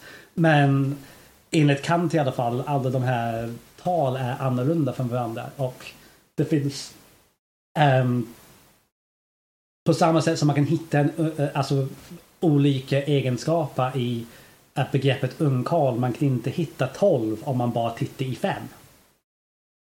Och 7. Eller, ja, och, och tvärtom. Men, men, men, kan man, men kan man inte det tvärtom? Det är det som är, men han menar att man inte, men om, men om du tittar på begreppet 12 så kan du inte hitta 5 och 7. Ja, alltså, alltså på samma sätt man skulle kunna säga 12 minus 5 är lika med 7. Alltså det där blir, alltså det, det är ju samma sak. Alltså då letar man i 7 efter 5 och 12. Mm. Uh, och det, jag tror Simon att du är kanske är präglad av uh, mängdteori och då, då ja. blir det uh, nästan motsatsen till det här att i 12 finns 5 och 7. Men, men det, det, det är någonting som kom senare och för Kant i alla fall var de här definitivt oberoende av varandra. Uh, ja. Det som man... Ah, ah, jag, förlåt, jag avbryter hela tiden. Fortsätt, nej, nej, jag ska vara tyst. Nej, jag, jag tänkte alltså om man, tar, om man går in i matematikens filosofi, det finns de som skulle säga de är, um, de är inte syntetiska, de är analytiska. Det är en invändning som många har mot Kant. Men enligt Kant, de är inte var det. Det, det är bara någonting man måste bara acceptera, tycker jag. Mm. För det, är det okej okay om man går in nu? Yes. För, för det här är någonting, för, för jag störde mig lite på det här när jag, jag fastnade väldigt mycket i den här delen. För jag började fundera, men, men vad är då syntetiskt a priori överhuvudtaget? Om man pratar om matematik på det här viset. Eh, på ett sätt är matematik ett väldigt problematiskt fall. För att du, matematiken är koherent. Alltså den hänger ihop så att säga, eller konsistent så att säga. Och så länge du liksom, och den kan vara konsistent på olika vis, antingen genom att säga att den är analytisk eller att säga att den är syntetisk. Så att det, går, det är svårt att motbevisa den här, fast, fast en sak som jag tycker är problematiskt, det enda som jag kände var är problematiskt är att enda sättet att du inte kan hitta 5 och 7 i 12 är om 5, 7 och 12 är separata objekt. Och här kommer det som William hade helt rätt i, att jag har en mer mängdteoretisk syn på Ehm, eh, på mängder, tänkte jag säga, på, på eh, matematiska objekt. Alltså att, att så att säga att man inte ser 5 och 7 som skilda saker. Fast, ja, det här, det här är svårt. Eh, men så att säga att de är inte distinkta på det viset. Eh, jag vet inte vad jag vill komma, eller förstår ni vad jag, vad jag vill säga? Att så här, för, för honom blir varje matematisk, varje tal blir en egen matematisk entitet. Så att säga. Och på så sättet så, så, så, så lyckas han ha det som a priori, eh, syntetiskt a priori. Ja, jag, kanske är det jag, så att jag tänker på motsvarande sätt. Jag har lite svårt att förstå Kant här nu, för att alltid när jag ska förklara vad är analytiskt för något, så, eh, eh så, så, är det så lätt för mig att ta till matematik. Om man tänker på matte, det är liksom en uppsättning regler och eh, det är liksom regler för hur man håller sig inom spelreglerna, alltså de är koherenta, de hänger ihop, man får inte lov att säga emot någonting och sådär. För mig är det så naturligt att ta det som ett exempel på analytisk kunskap. Ehm, att det är liksom koherens inom en uppsättning spelregler och tar man då 5 plus 7 så är det liksom om man tar matematiken som en helhet så är det en uppsättning regler som säger vad som inte får motsägas och så vidare. Och eh, då ser det, för mig ser det mer analytiskt ut. Och medan som Simon säger, om man tar talen var och en för sig som Kant gör så kanske... Ja men precis, för, för, för ett sätt man skulle kunna säga här att antingen så kan man se för jag tänker ungefär som det, att matematiken som en helhet. Men om man inte ser matematiken som en helhet, utan ser matematiken som bara en, alltså ungefär som att vi skiljer mellan fysik, kemi och biologi. Men i själva verket så är det ju mycket mer blurry, så att säga. Det är ju bara Oj, nu slängde jag mig ut i världen här. Eh, alltså vi, vi skiljer mellan fysik, kemi, biologi, geologi, kosmologi, astro, ja, etc, etc. Men, eh, men det är ju ändå så här godtyckliga regler för att allting hänger ihop så att säga. Medan matematik tänker vi en helt separat grej. Men Kant kanske tänker här att matematik är ungefär som skiljelinjen mellan kemi och biologi.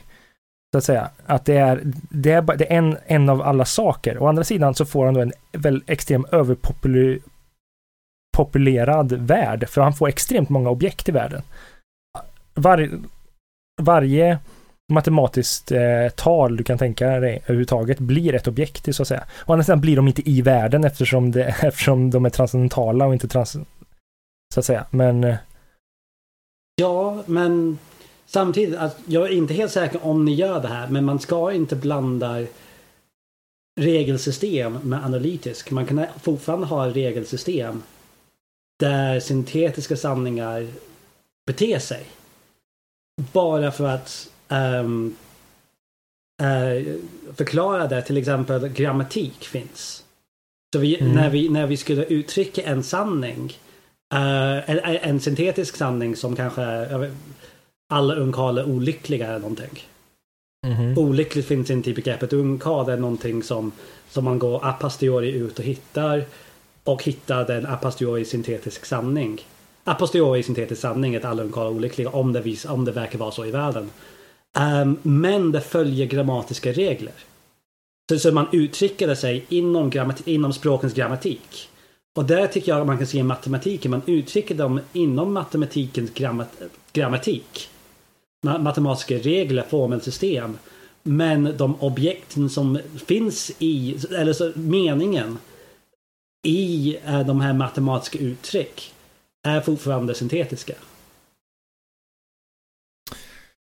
Okej, okay, uh, intressant invändning. Jag har inte tänkt på det på det viset. Men det skulle då in... Uh, men um, om man uttrycker någonting grammatiskt rätt så att säga, så är det inte nödvändigt rätt för det. Men om man följer reglerna i logiken så är det nödvändigt rätt. Det är därför det är a priori. Eller kanske inte därför a priori. Jo, men... A priori eller analytiskt. Ja. Vilket menar du? För vi pratar ju om men, syntetiskt analytiskt. Han, han, han, han um, Kant vill ju undersöka uh, det, det, rena förståndet, ren, rena förnuftet. Uh, och då pratar han bara om a priori. Han, han, han vill ju säga att han bara är intresserad av a priori men inte av analytiska. Eh, och han vill mena att det är då, och de sakerna är bara nödvändiga. Eller har jag missuppfattat? Nej, men det, du har, alltså jag tror du har helt rätt. Men min poäng var, alltså, till Mm. exempel grammatik. Jag försöker inte Mm. argumentera grammatik a priori analytiskt. Nej. Det Nej, okej, har jag okej, absolut ingen aning över. Men jag menar Okej. bara att det fanns ett regelsystem där. ehm, som man uttrycker saker på. Och, och det är så jag tycker man kan tolka matematiks regelsystem som analytisk a priori. Det kan, det kan det vara. Men själva innehållet kanske är syntetisk. Alltså Mm. meningen som finns, semantiken då av vad 5 plus 7 är lika med 12 betyder. De, den sanningen av inno, mat- matematikens innehåll, inte ehm, hur den uttrycker sig. Eller varför plus betyder plus. Till exempel det är möjligt att plus betyder 5 plus 7 är lika med 11 skulle kunna på något sätt vara sant. I ett annat regelsystem. Mm. Om, om plus, om, om begreppet plus var typ plus minus 1.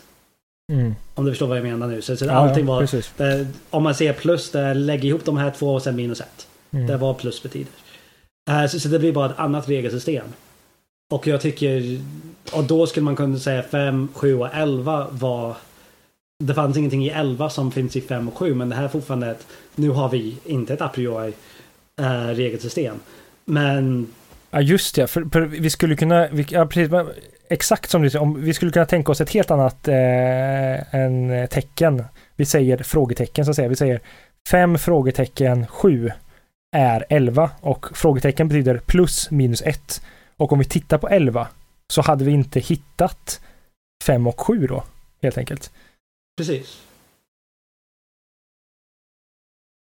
Om vi zoomar ut Mm. kameran lite. Eh, håller ni med om att eh, Vadå? vart är vi i helheten? Eh, låt säga då att eh, Kant kanske har rätt om att matematiken är syntetiskt a priori, eller han kanske har fel. Spelar det någon roll egentligen för hans stora system, alltså det här projektet med metafysik, eller är det bara så som jag beskrev det innan, att eh, egentligen så spelar det ingen roll, han kan ha fel om matematiken, det spelar liksom ingen roll för metafysiken egentligen, utan det är bara för Kant ett sätt att visa att eh, Humes kritik skulle i så fall drabba de här ämnena också. Det spelar liksom, jättestor roll. Tycker jag. Jaha, okej. ja. Ehm, för att han försöker bekräfta att en form av sanningar inte är, är meningsfulla. Till exempel om det var bara metafysik som är analytisk, alltså, förlåt, syntetisk a priori. Det finns ingenting då som, som säger varför de här sanningar i, i citationstecken är sanna. Men om det finns någonting som vi i vetenskap och matematik som är syntetiska a priori. Det betyder, vi, vi, vi vet att, någon, att de är nödvändiga. Varför vi vet det, det är lite oklart. Men vi vet att matematik är nödvändigt på, något sätt. Hur, hur vi vet det, vi vet inte det. Vi vet vetenskap är viktigt, vi vet inte varför enligt. Men på något sätt, för Kants projekt, han behöver minst en av dem att ha ett lyckligt, lyckligt, lyckat fall för att bevisa att det här syntetiska apriori är relevant. Ja, ja okej. Jag, jag tänkte säga motsatsen, men du övertygar mig. Nej men det går, Då skulle jag nog hellre satsa på den rena naturvetenskapen som kommer i nästa del. ja men jag Mm. tycker, den, jag tycker naturkunskapen är det som är svagast. Eller jag, det kanske är bara jag som är dum men jag ä- Okej vi kan komma till det här lite senare men har ni tänkt att det, det finns ett annat alternativ som är äh, vad blir det då? Aposterior, analytiska aposteriorer. Mm. som Kant bara kast, slänga bort som meningslös. Men jag tycker det finns en, en möjlighet, bara en möjlighet, att man kan använda, att man kan berättiga naturkunskap med det. Istället. Men det kan vi komma fram till lite senare kanske. Det ska vi ta upp sen, ja. Bara ett eh, förtydligande, för när Kant pratar om naturvetenskap i nästa sektion här, så blev jag först förvirrad för att tänkte att eh, ja, men det finns ju massa lagar eh, i naturvetenskap som inte alls är a priori och bla bla bla, som vi kan tänka inte stämmer, som till exempel gravitationsteorin och så. Och så plötsligt slog det mig på sida 65, paragraf 23, att han pratar ju om ren naturvetenskap. Han pratar egentligen om någonting helt annat än det som vi kallar naturvetenskap. Och alltså den vanliga naturvetenskap som vi kallar naturvetenskap, som pratar om Newton och Einstein och så vidare, det är ju inte ren naturvetenskap. Det är ju saker som innehåller erfarenhet, det innehåller liksom observationer. Och där finns saker som gravitationslagen och sådär. Utan den rena naturvetenskapen, de rena naturlagarna, alltså a priori naturlagarna, det är inte lagar som vi normalt kallar naturlagar, utan det är alltså förutsättning för all möjlig erfarenhet. Det är alltså mycket mer generella Jaha. saker. Det är saker som kausalitet och sådär. Det är inte saker som gravitationsteorin. Ja, Ni får gärna säga emot mig, men det tyckte jag var en sån här, aha, okej, Nej, det det, stämmer. Det är, alltså, jag tycker...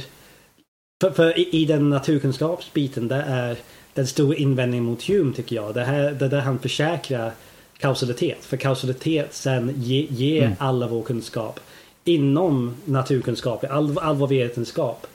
Ehm, Ja, det är en förutsättning precis, för... så det, det, det är därför det är den renar naturkunskap.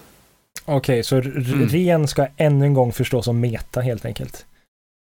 Det är alltså befriat från all konkret erfarenhet. Det är alltså formerna som, vet, som erfarenheten tar överhuvudtaget. Det är alltså inte innehållet i någon specifik Så erfarenhet. precis som tid och rum ger oss möjlighet att, och, att ta in erfarenhet. Mm, eh, De här kategorierna och de, den rena naturkunskap. Det ger förutsättningar för att kunna tolka de, den här inputen som vi får. Ja, det här är ju så Mm. självklart. Jag, måste, jag är så dum. Vad jag har tolkat det alltså, för att gå tillbaka till det vi sa i början, Kant är extremt noga med sina begrepp. Och när han säger rent, som i kritik av det rena förnuftet till exempel, så är det ett tekniskt begrepp. Ren betyder då alltså a priori-kunskap. Och när han säger ren vetenskap så är det såklart att han menar exakt samma sak som tidigare. Det är Och då är det- Alltså, det, det, jag tror nästan alla gör det här misstaget. Jag tror Kristoffer har ju precis berättat att han gjorde samma sak. Jag har gjort samma sak. Så det, Ah, ja, äh, vad bra. den stora aha-biten. Att jag, att jag bara, att Mm. jag liksom tar det som, på ett ställe tar det som tekniskt och sen så glömmer det. Det är ju, ja. Men det är bara Tack. att man har, man har så starka konnotationer mot kunskap, äh, vetenskap.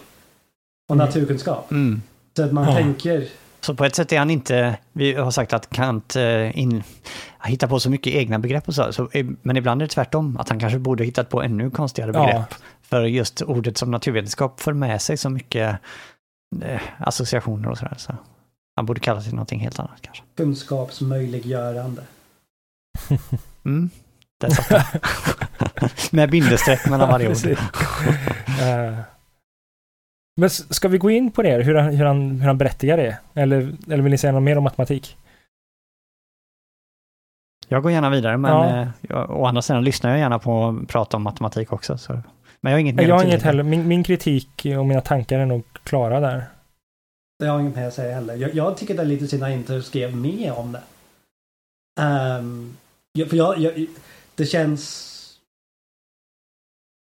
Just precis som, äh, äh, som Simon sa, det här varför 12 och 5 och 7 var annorlunda. Det, det saknas. Och man, man förstår honom att de, så här, ja, men de är annorlunda men han, han ger ingen förklaring varför. Det känns... Det, det är lite som att han, han bygger upp en jätte, jättefin maskin men glömmer skriva instruktionsboken. Eh, ibland. Det, det, det är så Ja. jag känner mig. Så här, ja, men det här är jättebra, det är jättefint men hur fan startar man det? Någonting som jag kan tycka är, det här får ni säga om jag har helt fel, men han har ju sina åskådningsformer, tid och rum, och sen så har han som åskådningsformerna, eh, de delas upp i tid. De, de transcendentala åskådningsformerna är tid och rum. De transcendentala eh, formerna för förstå, förståndet eh, är kategorierna. Vad jag förstår så är förstånd, eh, åskådningsformerna mer grundläggande än kategorierna. Alltså åskådningsformerna är mer grundläggande än vad, eh, vad förståndet är. Och matematiken kommer, så, som vi sa förut, i åskådningsformen har vi rum och tid. Från tid så får vi aritmetiken 1, 2, 3, 4, 5. Och från rummet så får vi geometrin, till exempel att eh, sum, summan av eh, en tresidig, äh, av, av en triangel lika mycket som två rätvinklar, vilket Reed visar var fel. Men i alla fall, skitsamma, jag måste nämna det varje gång när jag får chansen. Eh, men sen, och det är där han berättar matematiken. Men när han ska berätta naturvetenskapen så gör han det i förståndet, alltså med kategorierna. Så där är en viss skillnad. Ja, det stämmer. Men sa ni precis båda två där att det är en hierarki, att åskådningar är över förståndet? mer, grundläggande, mer grundläggande. Ja, före förståndet. Men vad, vad, vad menar ni med före då? För, för, för, är- menar ni... För, det, är, det brukar inte vara jag som är så här petig, men vad betyder före i det här fallet? Eh, jag, kanske läser det med Schopenhauer-ögon, men för Schopenhauer så är eh, förståndet det är samma sak som... eh, Det är egentligen allting förresten. Det är summan av det här tid, och rum och eh, kausalitet, det är förståndet. Det är liksom det som jobbar med erfarenheten. Men att tid och rum skulle vara före kategorierna, ja. Jo, de kommer före i Men boken. före vilket... Ja, men... men Mer grundläggande. men jag, eh, jag förstår inte vad grundläggande är. Alltså, för jag, jag tror de är i samspel. Ja, precis. Och och det är det, jag, jag har alltid trott att de är före, så att säga. Och före här kan man förstå ungefär som meta i metafysik, så att säga. Det som är, det som, alltså, vi kan prata om fysik som stolar och bord och stenar och så har vi metafysik och där pratar vi om vad som är grundläggande för att det ska kunna finnas fysik, så att säga. Och metafysik då är, det finns substans, det finns rörelse, finns relationer, så att säga. Och samma sak är här, eh, att vi har någonting som är meta, eller eh, bort, meta här i metafysik är bortom eller före. Och samma sak är åskådningsformerna före. Alltså i, jag- både kronologiskt och kategoriskt. Nej, Fast han kanske, han säger aldrig kategoriskt. Det, det kan inte vara kronologiskt för att kronologiskt finns i åskådning. Alltså det kan inte vara före på det sättet. Jo, jo men Äh, alltså, alltså Men, men samtidigt. ehm, det, till exempel om man hade en till åskådning. oh, jag kom på.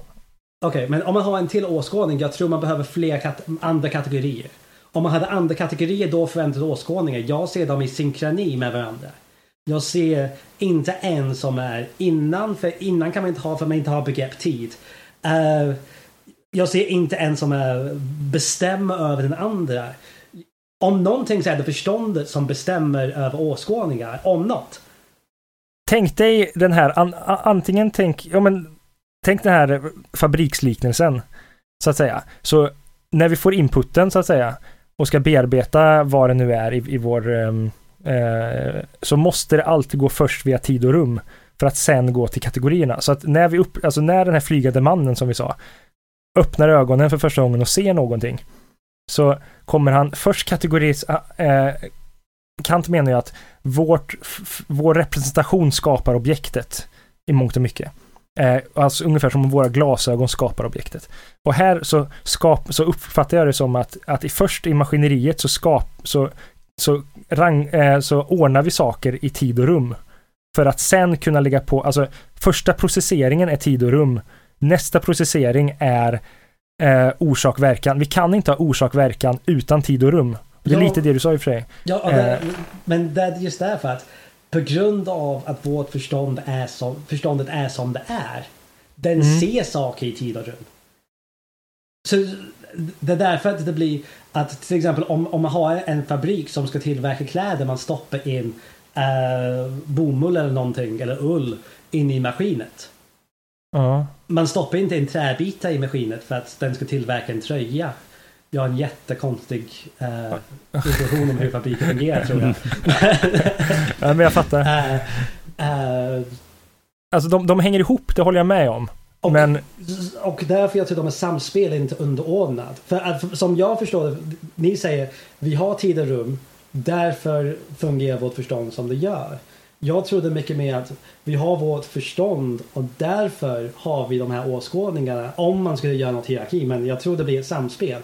Vi har de här åskådningar och vårt förstånd och vårt förstånd är anpassad för att tolka saker i de här åskådningarna. Jag tolkar det som eh, att det är nog på något sätt ändå ontologiskt, metafysiskt eh, grundläggande. Så att eh, tid och rum är en förutsättning för till exempel eh, substans eh, eller orsak och verkan. Men du kan, inte tänka, du kan tänka dig tid och rum utan att det finns några substanser. Du kan tänka dig tid och rum utan att det finns någon orsak och verkan. Men du kan däremot tvärtom inte tänka dig substans utan ett rum eller orsak och verkan utan tid och rum. Ja, men Så tror jag det är före, att det är mer grundläggande på det sättet. Ja, att allting spelar i dem, men det blir som att säga okej, vi ska ha en teaterföreställning. Man lägger inte det in i ett uh, fotbollsstadion, man lägger det i en teater. Eh, om ni förstår vad jag menar. Om, om, man, om man vill göra en, en, en pjäs och man vill, man vill sätta upp det någonstans. man sätter upp det i ett rimligt rum. Mm. Och därför jag tänker om man vill ha orsak, om vi, om vi, om vi vill ha orsak, eller så, här, om förståndet är anpassat efter orsak.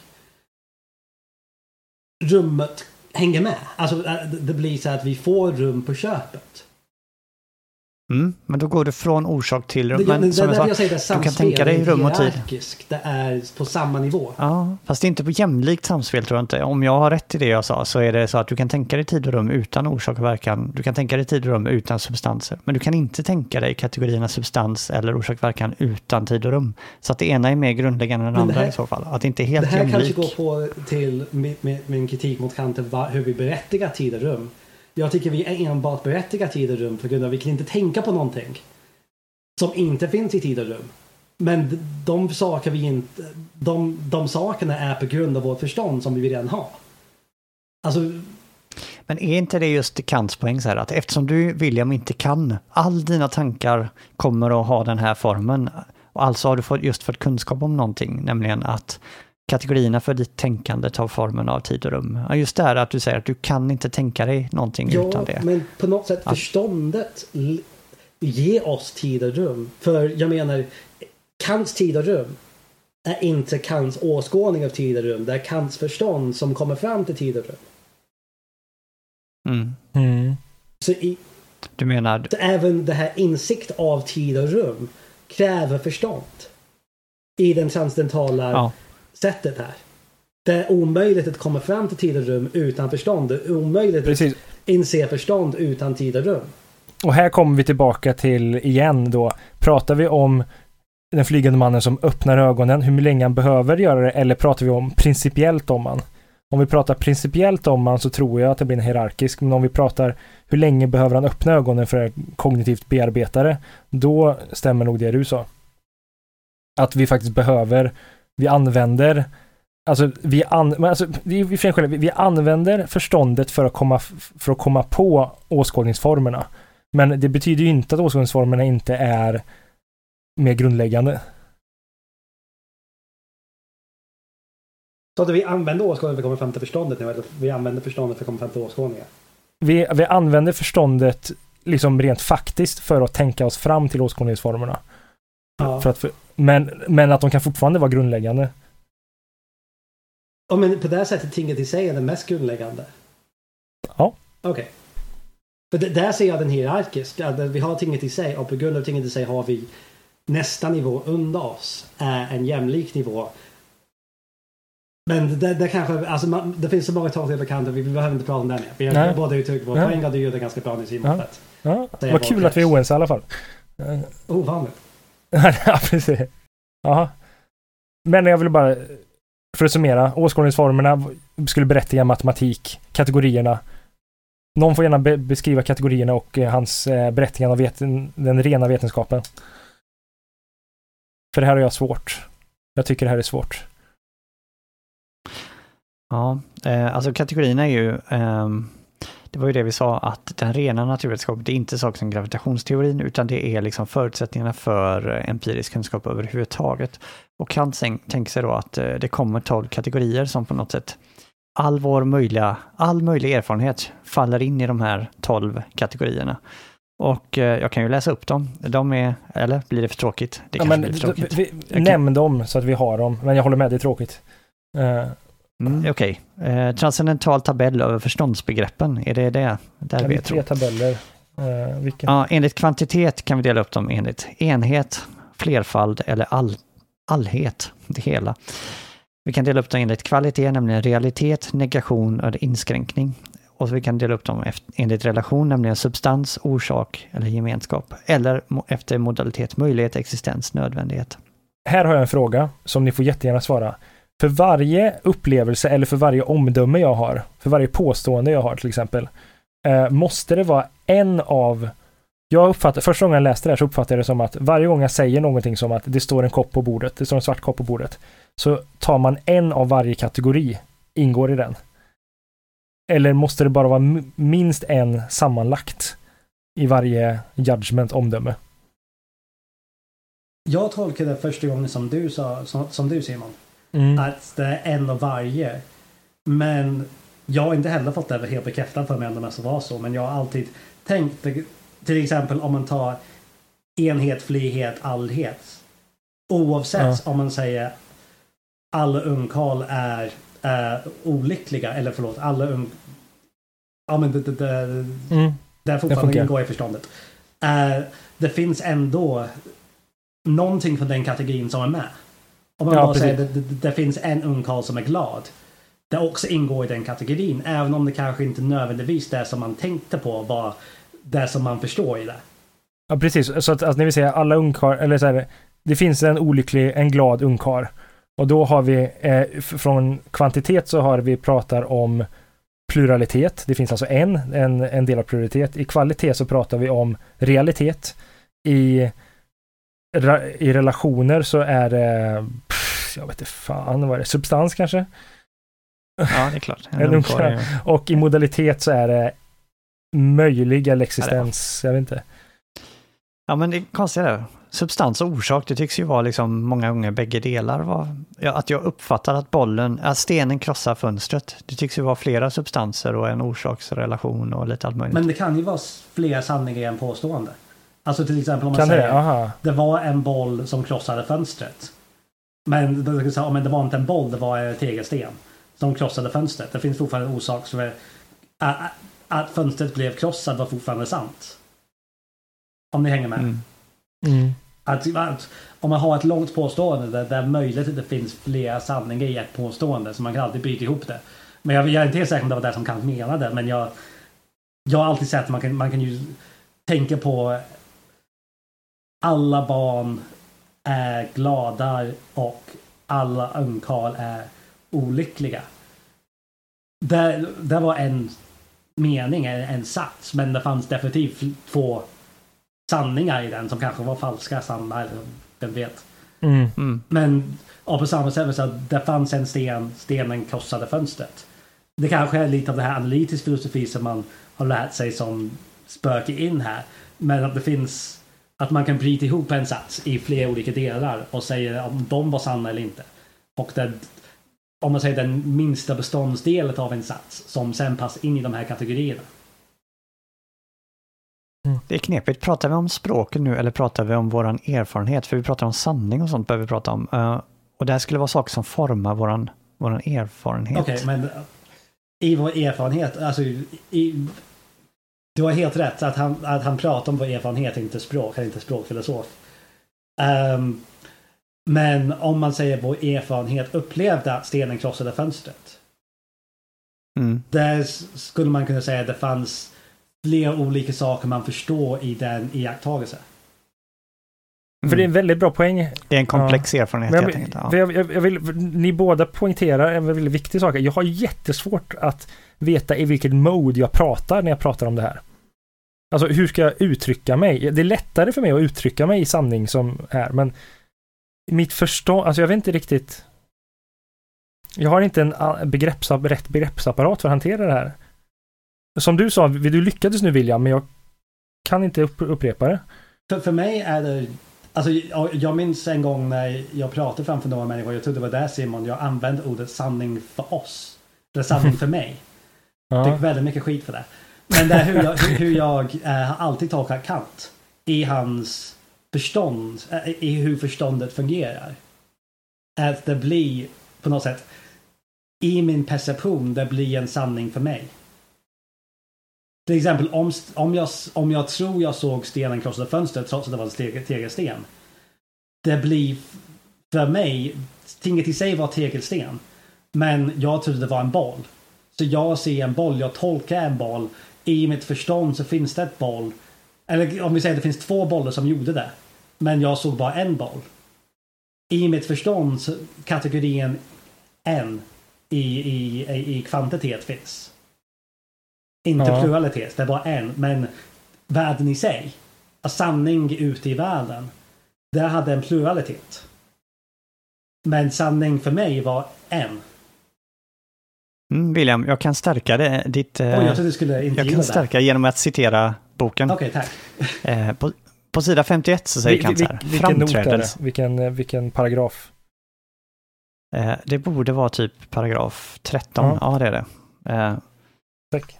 Jo, så säger Kant så här. Framträdelse frambringar sanning så länge den brukas inom erfarenheten, men inget annat än enbart sken så snart den går utöver erfarenhetens gränser och blir transcendent. Och när Kant använder ordet erfarenhet tror jag att han menar att en erfarenhet är produkten av liksom hela fabriken och sådär. Så att saker och ting inte är erfarenhet liksom på väg in i oss, utan det är den slutprodukten. Så att, eh, att gå från framträdelse till sanning för vår erfarenhet, som jag tror William gjorde, tycks ju vara helt i linje med vad Kant säger. Gött. Ehm, Det var... Då har jag lärt mig något. och på något sätt nu går vi från vår egna subjektiva upplevelse till objektiva sanningar. Vill någon ta det? Ja, jag vet inte riktigt vad du... Eh, en spontan association av det du säger, det var någonting vi berörde tror jag. Jag minns inte ens om vi hade tryckt på räck då eller inte. Jag, jag tror det, men i alla fall. Hur använder Kant ordet objektiv?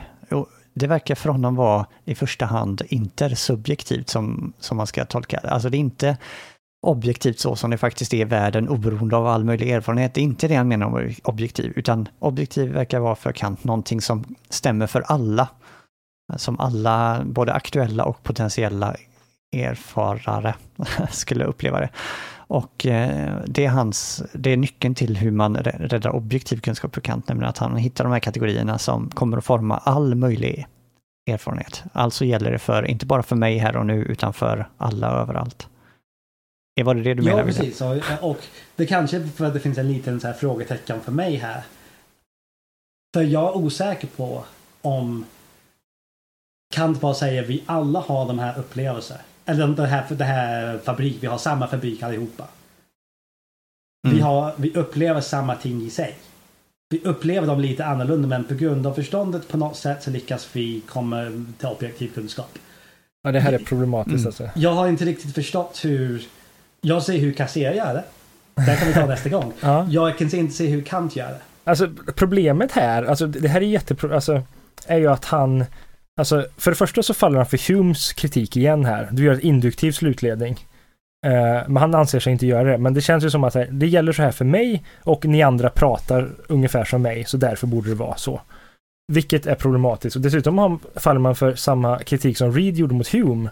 Att du säger någonting om alla människor utan att gå, runt, gå ut att undersöka hur människor beter sig. Alltså det, det, det, det är dubbelproblem här. Han faller både från den extremt skeptiska positionen från, från Hume igen, att han gör induktionsproblem, och dessutom från Reeds problem med att du kan inte anse att du undersöker hur människan är beskaffad genom att bara undersöka dig själv. Men äh, jag tror i, i Kants försvar här. Förståndet. Han tycker att de här fyra. Äh, eller de här tolv kategorierna. De här fyra äh, grupper i kategorierna. Är tillräckliga för all möjlig erfarenhet. Om han lyckas bevisa Mm. det är en annan sak. Men han tycker att han har gått för, ja, speciellt i den um, kritik av det rena förnuftet. Det är typ jättejobbig, typ 40 sidor där han pratar om från typ perception till reflektion av jaget, medie, Ja, just det. App, och perceptionen ja, just det. Det där. Och på något sätt leder fram till förståndet. Och på något sätt där så tycker han han, han lyckas göra det till en nödvändig eh, kausal process från input till förståndet. Skulle jag säga hur, hur man försvarar Mm. Reeds kritik där. Ja. Men samtidigt, jag Ja. förstår inte som du sa, som Humes kritik var att hur går man från att han erkänner att vi inte upplever tinget i sig likadana på grund av saker som perspektiv. Vi kan uppleva saker för lite annorlunda från tinget i sig. Men varför vi måste nödvändigtvis ha komma till objektiv kunskap är någonting som jag har bara inte riktigt förstått helt hur det går från förståndet till objektiv. Du sa en grej där William, jag önskar jag kunde citera dig eh, ordagrant för att eh, Pausa, så fort. tillbaka. Och, Eh, Ja, jag hade velat göra det. Jag tyckte du sa någonting så här att tingen i sig orsakar genom förståndet så här och så här och så här. Och eh, det är också någonting som Kant säger ibland, till exempel eh, sida 47, paragraf 13, säger han, vi känner igenom de föreställningar som det åstadkommer i oss, i det att det påverkar våra sinnen. Eh, vi, vi känner, ja okej, ja, men hur som helst. Eh, han tycks ofta prata som att tingen där ute, tingen i sig som vi aldrig någonsin kan ha någon kunskap om, de orsakar den här erfarenheten i oss. Och det är den vi har tillgång till. Problemet här nu, som Schopenhauer påpekar, är ju att kausalitet är ju någonting som finns i liksom själva fabriken. Alltså det är ju en form av, det är en av kategorierna, det är alltså något som kommer från oss. Hur kan då de här tingen där ute som vi inte vet någonting om, hur kan vi säga att de orsakar de här för, eh, upplevelserna hos oss? Det tycks liksom inte vara, alltså, att Kant inte riktigt biter medicin av sin egen, ta sin egen medicin där. Um, jag, alltså jag har hört den, den kritiken också, att, att Kant har egentligen två olika kausalitetsbegrepp och han förvirrar dem med de samma sak. Att han har kausalitet eh, i sig och en kausalitet, eh, en transcendental kausalitet. Ja, precis. En, en transcendental kausalitet och en transcendent kausalitet, kan man nästan säga. Ja. Mm. Och... Um, jag, jag, all, jag förstår den kritiken. Men samtidigt... Jag, det spelar ingen roll, skulle jag kan säga, tycker jag. För alltså, det är ju möjligt. Vi kan inte prata om tinget i sig. Till exempel, tänk att det här tvådimensionella världen jag pratade om förut är sant. Då att Ja. jag upplever en tredimensionell värld är helt, det, det, det är inte sant heller. Men så jag upplever kausalitet. Alltså mitt rum är fel, kausalitet är fel. Alltså inte fel alltså som fel för mig, men att det inte når hur tinget i sig egentligen är. Men där hur tinget i sig påverkar oss. Och där, hur tinget i sig på, påverkar oss, de verkar påverka sig i relation till varandra också. Så, så, så vi har flera ting, vi hittar flera ting och vi kan hitta orsaksrelation mellan dem. Men de orsaksrelationerna är fortfarande inte behandlar tinget i sig, men behandlar tingen för oss. Fast då kommer vi till ett problem här. Alltså, jag, eh, alltså ehm, det du säger eh, om, är ju då helt enkelt att vi, eller inte som du säger, men som, för jag vet inte om du, eh, men Kant säger väl i slutändan att vi kan med nödvändighet veta att, och jag, med eh, förstärkt nödvändighet här, att, att tinget i sig orsakar någonting så att vi med nödvändighet tolkar det sen med förståndet med kategorierna orsak-verkan. Och kommer vi inte då till att veta, kan vi inte då säga att vårt, eh, vår kategori orsak-verkan faktiskt stämmer överens med den det sättet som tinget i sig påverkar. Och då har vi kommit ifrån det transcendentala och faktiskt har kontakt med yttervärlden. Nej, Och kan få ehm, kunskap om yttervärlden. om, om det, det är fel att säga, och jag det var jag som började med det så jag ber om ursäkt. Ehm, att tinget i sig Fast Kant gör det också. orsaker. Eh, och, och jag tror det orsaksbegreppet är helt annorlunda. Eh, den orsakar, den är ansvarig skulle jag hellre säga. Istället för orsaker. Tinget i Ansvarig. sig är ansvarig. Eh, det, är den, det är den som... Att jag ser min dataskärm just nu. Datorskärmen i sig, tinget i sig som är min datorskärm. Är ansvarig för, för den perceptuella upplevelsen jag har av... eh, Precis, och, och jag tror du har rätt där, men hur, how do you cash out ansvarig liksom? Utan att prata om orsak-verkan. Jag Ja, springa in? Ja. Fast William kanske väl gärna Det, vill det svara. enda svar jag har är, och jag tror jag pratat om det här i, Mark, i Marks avsnittet flera gånger. Det är, vi, vet- vi, allt vi vet är vi verkar vara i samma värld. Vi verkar vara i värld med fler av oss tillsammans. Det är fler som ser med en datorskärm, det är inte bara jag. Så därför vi antar det finns en värld där som är oberoende av oss. Men vi kan inte säga någonting om världen. Men att den är oberoende och den påverkar oss. Det är allt vi kan säga. Ja, för det är ju Schopenhauer vad han säger. Schopenhauer han beundrar ju Kant något kopiöst, men han skäller på Kant på vissa sätt. Och ett sätt han skäller på Kant är att Kant är så rädd för att kallas idealist. Och jag vet inte om ni kom till slutet av Prolegomena där han är jätteupprörd över att en recensent har jämfört hans bok med George Barclays idealism. Och han tycker att det är helt fruktansvärt. Min eh, filosofi, säger Kant, är ju raka motsatsen till idealism. Jag tror ju ändå att det finns ting där ute, ting i sig, som faktiskt orsakar eh, våra upplevelser. Och Schopenhauer tycker att Kant är fånig när han är så rädd för att kallas idealist. Att, eh, att Kant, anledningen till att Kant hela tiden faller in i sådana här sätt, att antingen säga att de orsakar våra upplevelser, eller att de är ansvariga för våra upplevelser som William sa, eller på något sätt försöker liksom säga trots allt att det finns en grej där ute som står i en sorts relation till våra upplevelser. Att han överhuvudtaget liksom känner sig tvingad att säga det är bara för att han är så rädd för den här idealismen. Och Schopenhauer vill då istället att man ska säga att okej, okay, det finns ett ting i sig, men vi kan verkligen inte säga någonting om det, huruvida det Alltså, den här relationen till upplevelserna eh, kan vi inte säga. Så det här, till och med att det fanns en dataskärm som alla kan titta på, inte ens det kan vi säga, utan det finns en värld och hur den världen nu är beskaffad bortom vår erfarenhet har vi ingen aning om, men vi upplever världen så här och så här och så här. Alltså eh, ännu mer, vad ska man säga, ännu mer ödmjuk än Kant. Alltså säga ännu mindre om tinget i sig än vad, vad Kant gör. Till exempel, Kant tar för givet att det är flera, att det finns många ting i sig. Men då påpekar Schopenhauer att, att uppdelning i flera objekt kräver liksom tid och rum och Kant har ju sagt att tid och rum är någonting som vi lägger till erfarenheten. Så huruvida det finns ett eller flera av ting i sig, det kan vi inte heller säga. Mm, det, är, det är en bra kritik. Men samtidigt, eftersom vi är präglade av realismen, um, mm. så tror jag att man... Jag förstår varför Kant behöver ta ställning till det. För att Alltså vi gjorde det också. Alltså med Barkley så det blir fånigt om man bara säger allt idéer. Alltså man på något sätt behöver. Uh, om man inte ska bli solipsist och bara tro det är, jag, det är bara jag som finns i världen. Vi behöver på något sätt och, och till exempel och, och förstå att Alltså jag styr inte min tolkning av världen. Oavsett hur stark min vilja är. Jag kanske kan påverka vissa saker. Men jag kan fan inte få min datorskärm att försvinna. Världen gör motstånd helt enkelt. Så på något sätt verkar det vara någonting som, in, som jag, så som jag tolkar jag, inte kan uh, förändra det som jag tolkar, det som verkar vara ute i världen. Precis, alltså, och, jag, jag håller med. Oj, förlåt. Och, och, och, och jag tror allt...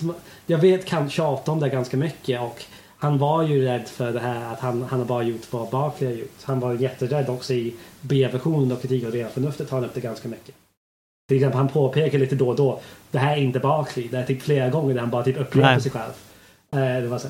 Det är en lustig historisk anekdot där med Schopenhauer igen. För tydligen var det så, Kant skrev ju A-utgåvan och sen så skrev han prolegomena och sen skrev han B-utgåvan. Och då förr i tiden läste alla B-utgåvan tydligen. Alltså det var ju Kants nyare version så att alla tyckte den var bättre.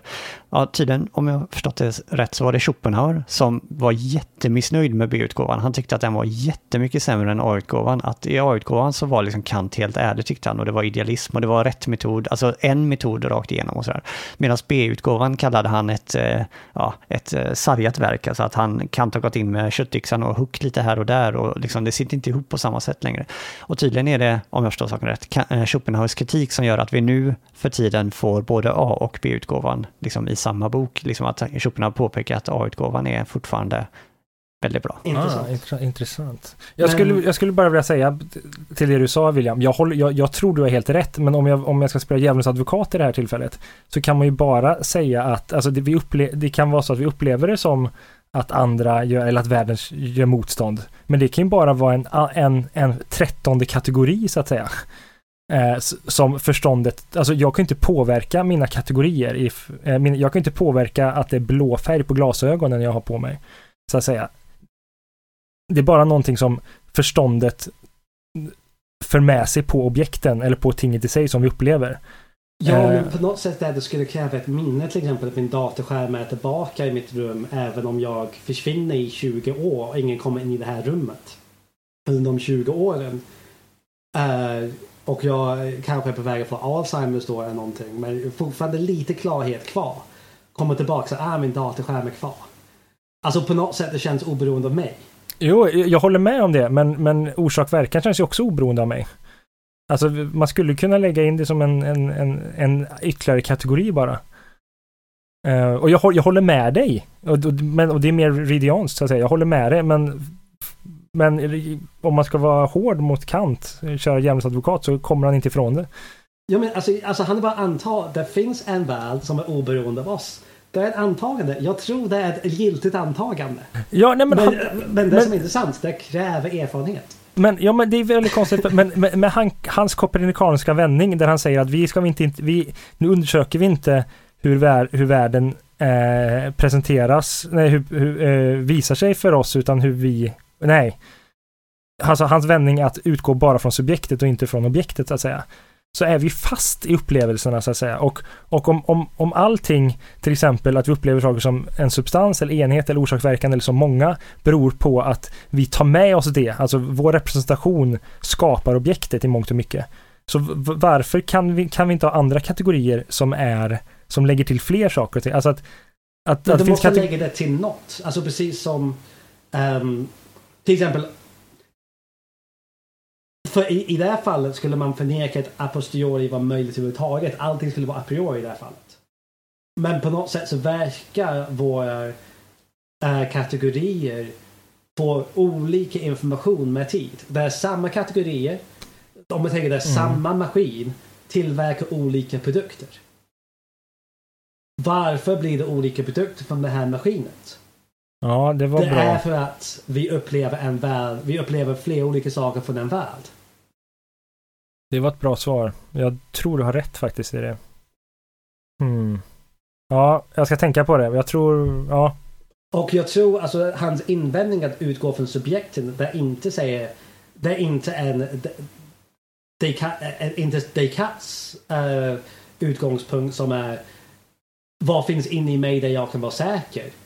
Hans, ut, hans hela metod är hur tolkar subjekten världen, inte hur är världen beskaffade. Så världen måste vara med. Man måste anta världen. Om man ska utforska, hur tolkar vi världen? Man måste anta att, att en värld finns samtidigt som man måste anta att det finns en tolkare. Men han, han, han kan gå igenom det ganska bra genom att säga att det finns Själen finns men vi, vi har ingen, vi, vi har ingen direkt kun, äh, tillgång till själen i sig. Vi har bara tillgång till själen för oss typ. Jaget för mig eller något sånt. Får jag ställa lite frågor nu bara, för nu känns det som att vi bara pratar roliga eh, liksom, diskussioner och så här, för jag är väldigt intresserad av varseblivning och vår upplevelse, vår erfarenhet av världen. Han, han kan säga ibland sådana här saker, till exempel på, i paragraf 22 så säger han erfarenhet består av det syntetiska förknippandet av framträdelser, inom parentes, varseblivningar, i ett medvetande, såvida det är nödvändigt. Därför är det rena förståndsbegrepp som alla varseblivningar först måste subsumeras under, innan det kan tjäna till erfarenhetsomdömen, i vilka varseblivningars syntetiska enhet föreställs som nödvändig och allmängiltig. Okej, så vad har han sagt där om erfarenhet? Jo, jag tolkar det som att först så kommer det någonting utifrån, nämligen framträdelser eller varseblivningar. De som han uttrycker det, subsumeras. De läggs under de här förståndsbegreppen, alltså kategorier, åskådningar och sådär. Fabriken som vi har kallat det nu. Och så får vi ut Eh, slutprodukten som är ett erfarenhet eller en erfarenhetsomdöme. Det jag undrar är, vad, vad är det vi erfar? Vad är objektet? Ehm, kan ni svara på det? Okej, okay, så jag har en erfarenhet och den är formad av mig som människa och i och med att jag har ett förnuft, det är format av hitan och ritan kategorier. Så. Vad är det jag erfar? Är det världen eller är det någonting inuti mig? Vad är det jag tittar på egentligen? Det som är inuti dig, det är perceptionen. Så jag, jag tittar på min egen ja, erfarenhet. Han säger ju det någonstans. Eh, jag ska se om jag hittar det. Där han definierar perception. Nej, förlåt, fortsätt. Jag letar så länge. Nej, för att om man tänker så här, att all erfarenhet är en erfarenhet av någonting, ett objekt. Okej, okay, vad, är, vad är objektet här? Vad är det jag erfar Det är ett begrepp. Begrepp som finns tillgängligt till förståndet. Jag ser begrepp. Det är det jag ser. När jag tittar på min mugg så ser jag ett begrepp. Nej, men du, du, du ser produkten av ditt förstånd.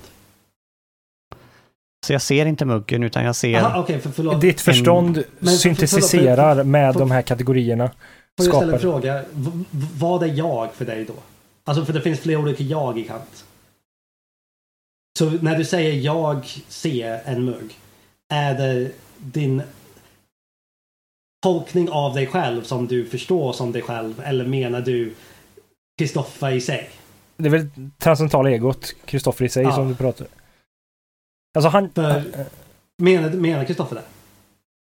Jag vet inte, jag är lite osäker. Jag är mer naiv bara. Så här, jag, jag, skulle spontant, min utgångspunkt är ju att jag ser världen med massvis med ödmjukhet och säga att jag ser en väldigt suddig, otydlig bild. Jag får inte koll på Alltså jag får tillgång till världen på en väldigt bristfälligt sätt. Eh, jag ser inte vad den egentligen är, om den består av atomer eh, eller du vet, strängar eller vad det nu kan vara. Men på någon sorts eh, abstraktionsnivå, på någon sorts otydlig, vag bild, så får jag en bild av världen. Alltså jag ser världen med alla dessa begränsningar. Men det känns inte som att det är det Kant säger, utan enligt Kant så ser jag någonting annat och vad är det?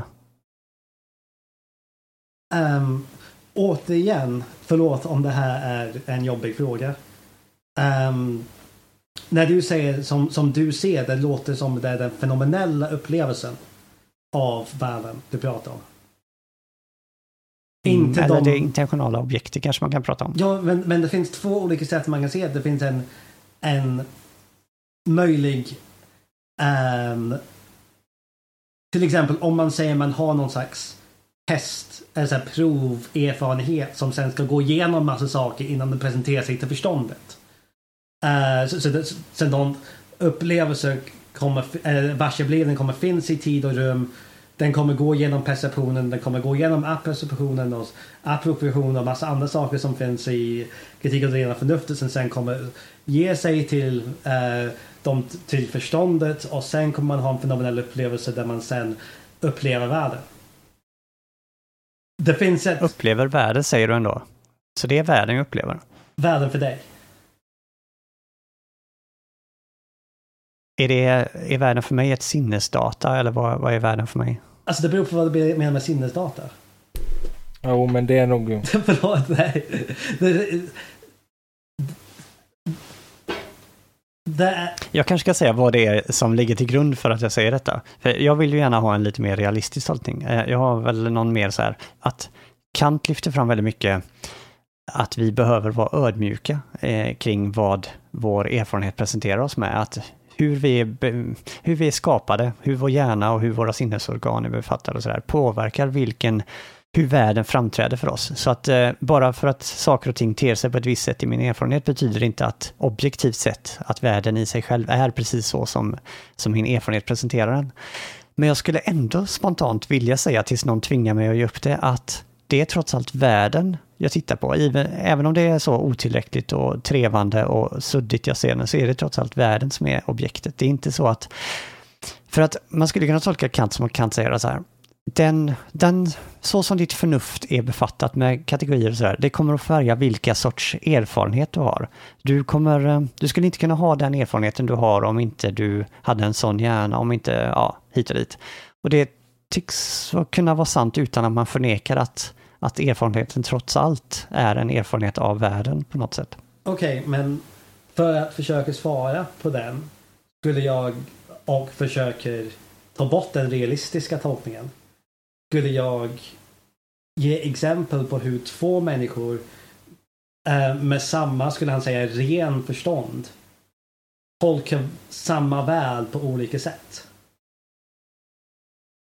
Så till exempel den här klänningen som var populär ett tag som var orange och svart eller vad det nu var. Lila och orange. Eller lila och guld.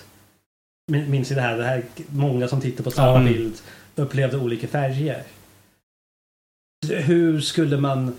Jag, jag ser Kants mekanismer, äh, mekanismer så kan man på något sätt säga okej okay, men det är hur världen är beskaffad för olika människor. Man tolkar en del av vad det här nu är för objekt i sig på olika sätt. Och man får en, upple man får en upplevelse. Det ena är äh, det var guld och det andra det var lila eller vad det nu var. Mm. Um, jag har svårare att se hur man får den mekanismen att tolkas på ett realistiskt sätt i sådana där situationer. Ja, för ett sätt skulle det vara att säga att bägge två tittar på samma klänning men upplever den olika. Men det är ändå samma klänning de tittar på. Och det är liksom en realistiskt så att det finns en ja, klänning där ute. Men. men om man kan vara fel om färgen man kan vara fel om vad klänningen tar slut och golvet börjar. Alltså varför indelning klänningar golv? Varför finns den? Det är enbart för att vi har lagt ut äh, den tolkningen på färgen men vi har också lagt ut en tolkning på världen som är äh, klänningen är skild från golvet. Men vi har ingen bevis att världen faktiskt är beskaffad så att, värld, att klänningen och golvet är olika objekt ute i världen. De är bara olika objekt för oss. Mm. Men här är två berättelser. Den realistiska berättelsen skulle säga så här. Det finns en klänning och det finns ett golv. Och så står två personer. Så att Kristoffer har sin erfarenhet, Kristoffer-erfarenheten, och William har sin och Simon har sin. Och en fråga är ju så här, vem utav dem har mest rätt eller har någon mer rätt än den andra? Men sättet vi avgör det är ju att jämföra med den här riktiga klänningen och golvet och se vilken, vem, vilken erfarenhet stämde bäst överens.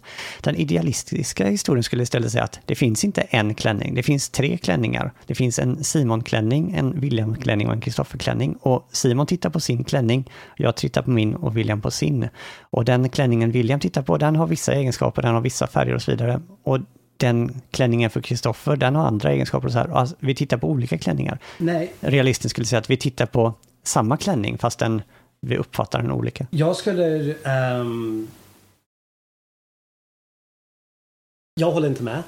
Jag skulle inte säga att det finns tre olika klänningar. Jag tror om vi skulle... ehm, men men det, här, det här går lite vidare än bara så grundtolkningar av Eh, eller så här grundupplevelsen när vi uh, hur världen i sig kommer till vårt att det blir tillgängligt för oss. Eh, Man sen går vidare till hur vi pratar med andra om våra tolkningar.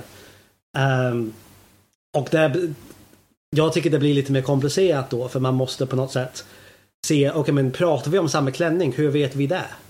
Vi kanske, jag kanske tänker på en helt annan illusion som fanns enbart i Stockholm. Som inte var med, som någon annan, eh, som inte kom till Göteborg och eh, som ni inte har sett. Så jag kanske pratar om en grön och orange klänning. Ehm, men vi tror vi pratar om samma klänning, men vi kan inte vara säkra på det. Eller hur? Vi kan inte vara säkra vi pratar om samma klänningsfenomen vi, som jag menade som Alltså vi kan inte ha visshet om det, nej. Och så vi kan inte vara 100% säkra, vi hoppas bara på något sätt. Vi, vi, vi, vi, tror, vi gissar, vi tar en chansning att vi pratar om samma klänning. Eller hur? Ja, du beskriver, det är kanske det som är oenigheten. Du beskriver det ur ett första persons perspektiv helt och hållet och jag beskriver situationen i ett tredje persons Men perspektiv. hur Så i kommer vi till den tredje persons perspektivet från det första persons perspektivet? Kant börjar med första persons perspektivet, det är hans utgångspunkt. Det säger vår, för vår tredje persons perspektiv verkar vara beroende på att vi har tolkat världen. Vi alla ser en värld. Till exempel om man ska göra ett vetenskapligt experiment och skapa en hypotes. Vi går ifrån, ja men vi kanske har sett objekt falla ett par gånger. Vi kanske ska mäta dem och se hur lång tid det tar att falla till, till, till, till marken. Och då kan man kanske komma fram till gravitations äh, accelerationskraft. Ehm, Mm. så- så, och då får vi objektiva sanningar som verkar stämma överallt, i alla fall på, på jorden. Um, men de här, de här tredje persons uh, det här tredje person eller objektiv kunskap har haft en utgångspunkt i, i första persons perspektivet. För, det, för jag, jag, jag ser ingen tredje persons perspektiv som har börjat. Det finns ingen bok som säger uh, världen är beskaffad si, si, si, si, si, si och så. Gå ut och du kommer uppleva det själv. Det kanske finns en sån bok nu, men det började inte så i alla fall. Det kanske finns fysikböcker nu som säger att världen är beskaffad på det här sättet. Men det finns ingen sån bok när, vi, när människor började förstå världen. Så, så allting började på första personsperspektivet och det är hur man kommer fram till det här tredje personsperspektivet som um, och när man gör det. Den transcendentala idealismen säger vi kan även om vi har kommit fram till ett objektivt tredje persons tolkning på det här. Vi kan inte vara 100% säkra att vi pratar om tinget i sig. Det är flera saker som eh, ligger här och eh, gosar ihop sig. För å ena sidan, eh, eh, det som ligger till bakgrunden för mig är att jag, jag ser två läsningar av Kant. Å ena sidan en mer hardcore, hardcore idealism, å andra sidan en mer realism i kombination med fallibilism. Det vill säga, man tror att det finns en värld där ute och man accepterar fallibilism, att vi inte kan ha säker kunskap om det. För då skulle man kunna acceptera det här, att vi kan inte vara säkra på att det är samma klänning vi ser och så vidare. Men å andra sidan finns det en mer hardcore idealism som är mer den som jag antar Schopenhauer vill att Kant ska säga, nämligen den att vi, vi kan inte säga någonting om världen i sig, utan det vi ser är en privat, alltså en mental värld som och i så fall ser vi var och en varsin klänning. Och så vidare, eh, att det är ett mentalt objekt. Ehm, Medan jag skulle vilja att, hoppas att Kant snarare säger att det finns en värld där ute, vi kan inte ha säker kunskap om den. Det enda vi kan ha säker kunskap om är ja, de här kategorierna och hit och dit. Men, men däremot kan vi ha fallibilistisk kunskap om tinget i sig, det vill säga vi kan ha att det är antagligen så att vi ser en vi ser, tittar alla på samma dataskärm, vi tittar alla på samma klänning och så vidare. Jag tycker det finns en medelvägsposition där som jag, jag, jag tror du kommer inte gilla, men det är den som jag har och det är um, det är fallibilistiskt, det är empiriskt, men man går från tinget för mig till tingen för oss. Man kommer aldrig närmare tinget i sig. Så vi går ifrån det som finns allmänt för alla människor. Där kan vi börja hitta att vi alla verkar upplever gravitation. Det verkar vara sant. Det är ingen som verkar ha upplevt antigravitation så, gott, så, så mycket jag vet i alla fall. Att, att, att allting flyger sig uppåt mot äh, stjärnorna. Så, men, men, vem vet? Alltså tingen i sig kan, kan, kan fortfarande vara som um, uh, oh, vad, vad, var han? Han som kom på atomerna i allmän, först, första person som sa Demokritos. Demokritos ja. Och då i hans metafysik allting bara faller neråt. Alla atomer bara faller neråt. Uh, och det var, det var vad den var beskaffade, att allting bara så här, faller neråt hela tiden. Um, och det är möjligt att, att tinget i sig är så. Vi vet inte, men vi kan fortfarande prata om hur, att vi kan gå närmare närmare hur världen är beskaffad för oss. Prata om strängteori, vi kan vara fallibilistiskt om det och växa ett objektiv kunskap som sen påverkar vår egen subjektivitet. Det är möjligt, men vi kommer aldrig nå tinget, för sig, tinget i sig. Du kör mer en kantiansk objektivitet där objektivitet är mer intersubjektiv. Precis. Men, och, och det, var, det kan vara fallibilistiskt. Och, och, det, var, det var väldigt för det, jag håller med, det blir en medelväg. Eh, men problem, alltså om man kollar på Kant så, så gör han ju en, han, man kan säga att vi, han gör en skarp linje mellan tinget i sig och tinget för mig. Eh, men, och han menar, och, och, och, som vi pratar om nu, kom, kommer tinget i sig vara nära eh, ett säger det någonting om tinget för, eh, tinget för mig? Säger det någonting om tinget i sig överhuvudtaget eller inte? Eh, men om man har den här intersubjektivistiska, och det är väl vår Hume-kritik igen så att säga, eh, är att eh, om vi har en intersubjektivistisk syn så ligger ju det andra subjektet som krävs för att det ska bli ett intersubjektiskt, ligger ju på tinget i sig-sidan för mig. Så att säga. Så hur, hur kan jag godta um, hur kan jag godta andras uppfattningar och andras åskådning, åskådningar? För de är inte mina. De skiljs åt i det transcendentala egot. Okej, okay, jag ska inte ta upp det, förlåt, det var onödigt. Men vi, vi, de verkar vara kompatibla ibland. Vi verkar som, alltså vi kan kommunicera, vi kanske inte förstår varandra 100% hela tiden. Men vi verkar dela lite information. Men varför? Okej, okay, och, och nu, nu, nu vill jag vara djävulens advokat här. Varför stämmer våran upplevelse mer än min upplevelse av stenen med stenen? Um, stenen med stenen, men stenen upplever ingenting. Nej, nej, nej, alltså okej, okay, förlåt. Alltså, varför stämmer din och min upplevelse av stenen ihop mer än min, min upplevelse av stenen och stenen i sig? Aha, det, Förstår du? Det skulle, det skulle vara återigen att jag lägger bara bevisbördan på dig. Det fundamentala antagandet. Och ni, ni kan säga antagandet är fel. Och, och, och, eller det, man inte är berättigad att göra det här antagandet. Men då måste man starta ett helt annat filosofiskt projekt än det här. Men att det finns en oberoende värld ut från oss. Det är bara ett antagande som finns. Ja, nej, jag godtar det. det. Och det är en, kon och en konsekvens av att det finns en oberoende, samma oberoende värld som påverkar oss är att, vår intersubjektiv, att det finns en möjlighet för intersubjektiva sanningar. Det, det ger den möjligheten.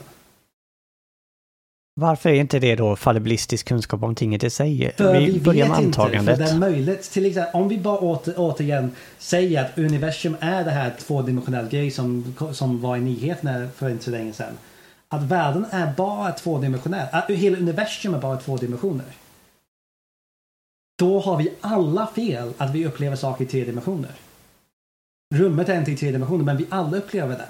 Det är bara för att vår fabrik är byggd på samma sätt, så vi skapar samma produkter. Men det är möjligt att det finns någonting helt fel i, i maskineriet i alla fabriker. Men eh, det låter som, för Kant är ofta så här att för att det ska vara, för att det ska vara på ett visst sätt så måste vi veta att det är på det sättet. Alltså att ontologin förutsätter epistemologi på något sätt, att vi måste ha säker kunskap, visshet och sådär för att det ska vara så och så. Och så tycks du också resonera många gånger, William, att ja, om jag säger det kanske är så här och så här, så säger du, ja men vi kan aldrig veta det. Ehm, så vad jag, säger, vad jag menar är antagligen, det skulle kunna, världen är på ett visst sätt oberoende av oss. Och vi, det kanske är att vår kunskap närmar sig den. Men vi kan inte veta att den närmar sig den. Men det kanske är den Nej, bästa förklaringen. Alltså, det, det, är bara för att, alltså, på grund av att vi, vi är begränsade i vår maskineriet av hur vi tolkar världen. Vi kan bara se vissa saker i världen. Vi vet till exempel att det finns fler saker i världen än vad vi kan se. Till exempel att um, det finns massa wifi-vågor omkring oss som vi inte kan se. Till exempel. De finns. Så det finns saker i världen som vi inte kan uppleva. Och vi vet vissa saker som finns i världen som vi inte kan uppleva. Men vi vet inte allting om världen som vi inte kan uppleva.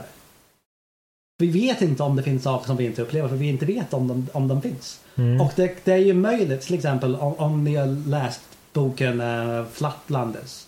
Att uh, hela världen var tvådimensionell. Vad händer om en tredimensionell varelse kommer dit?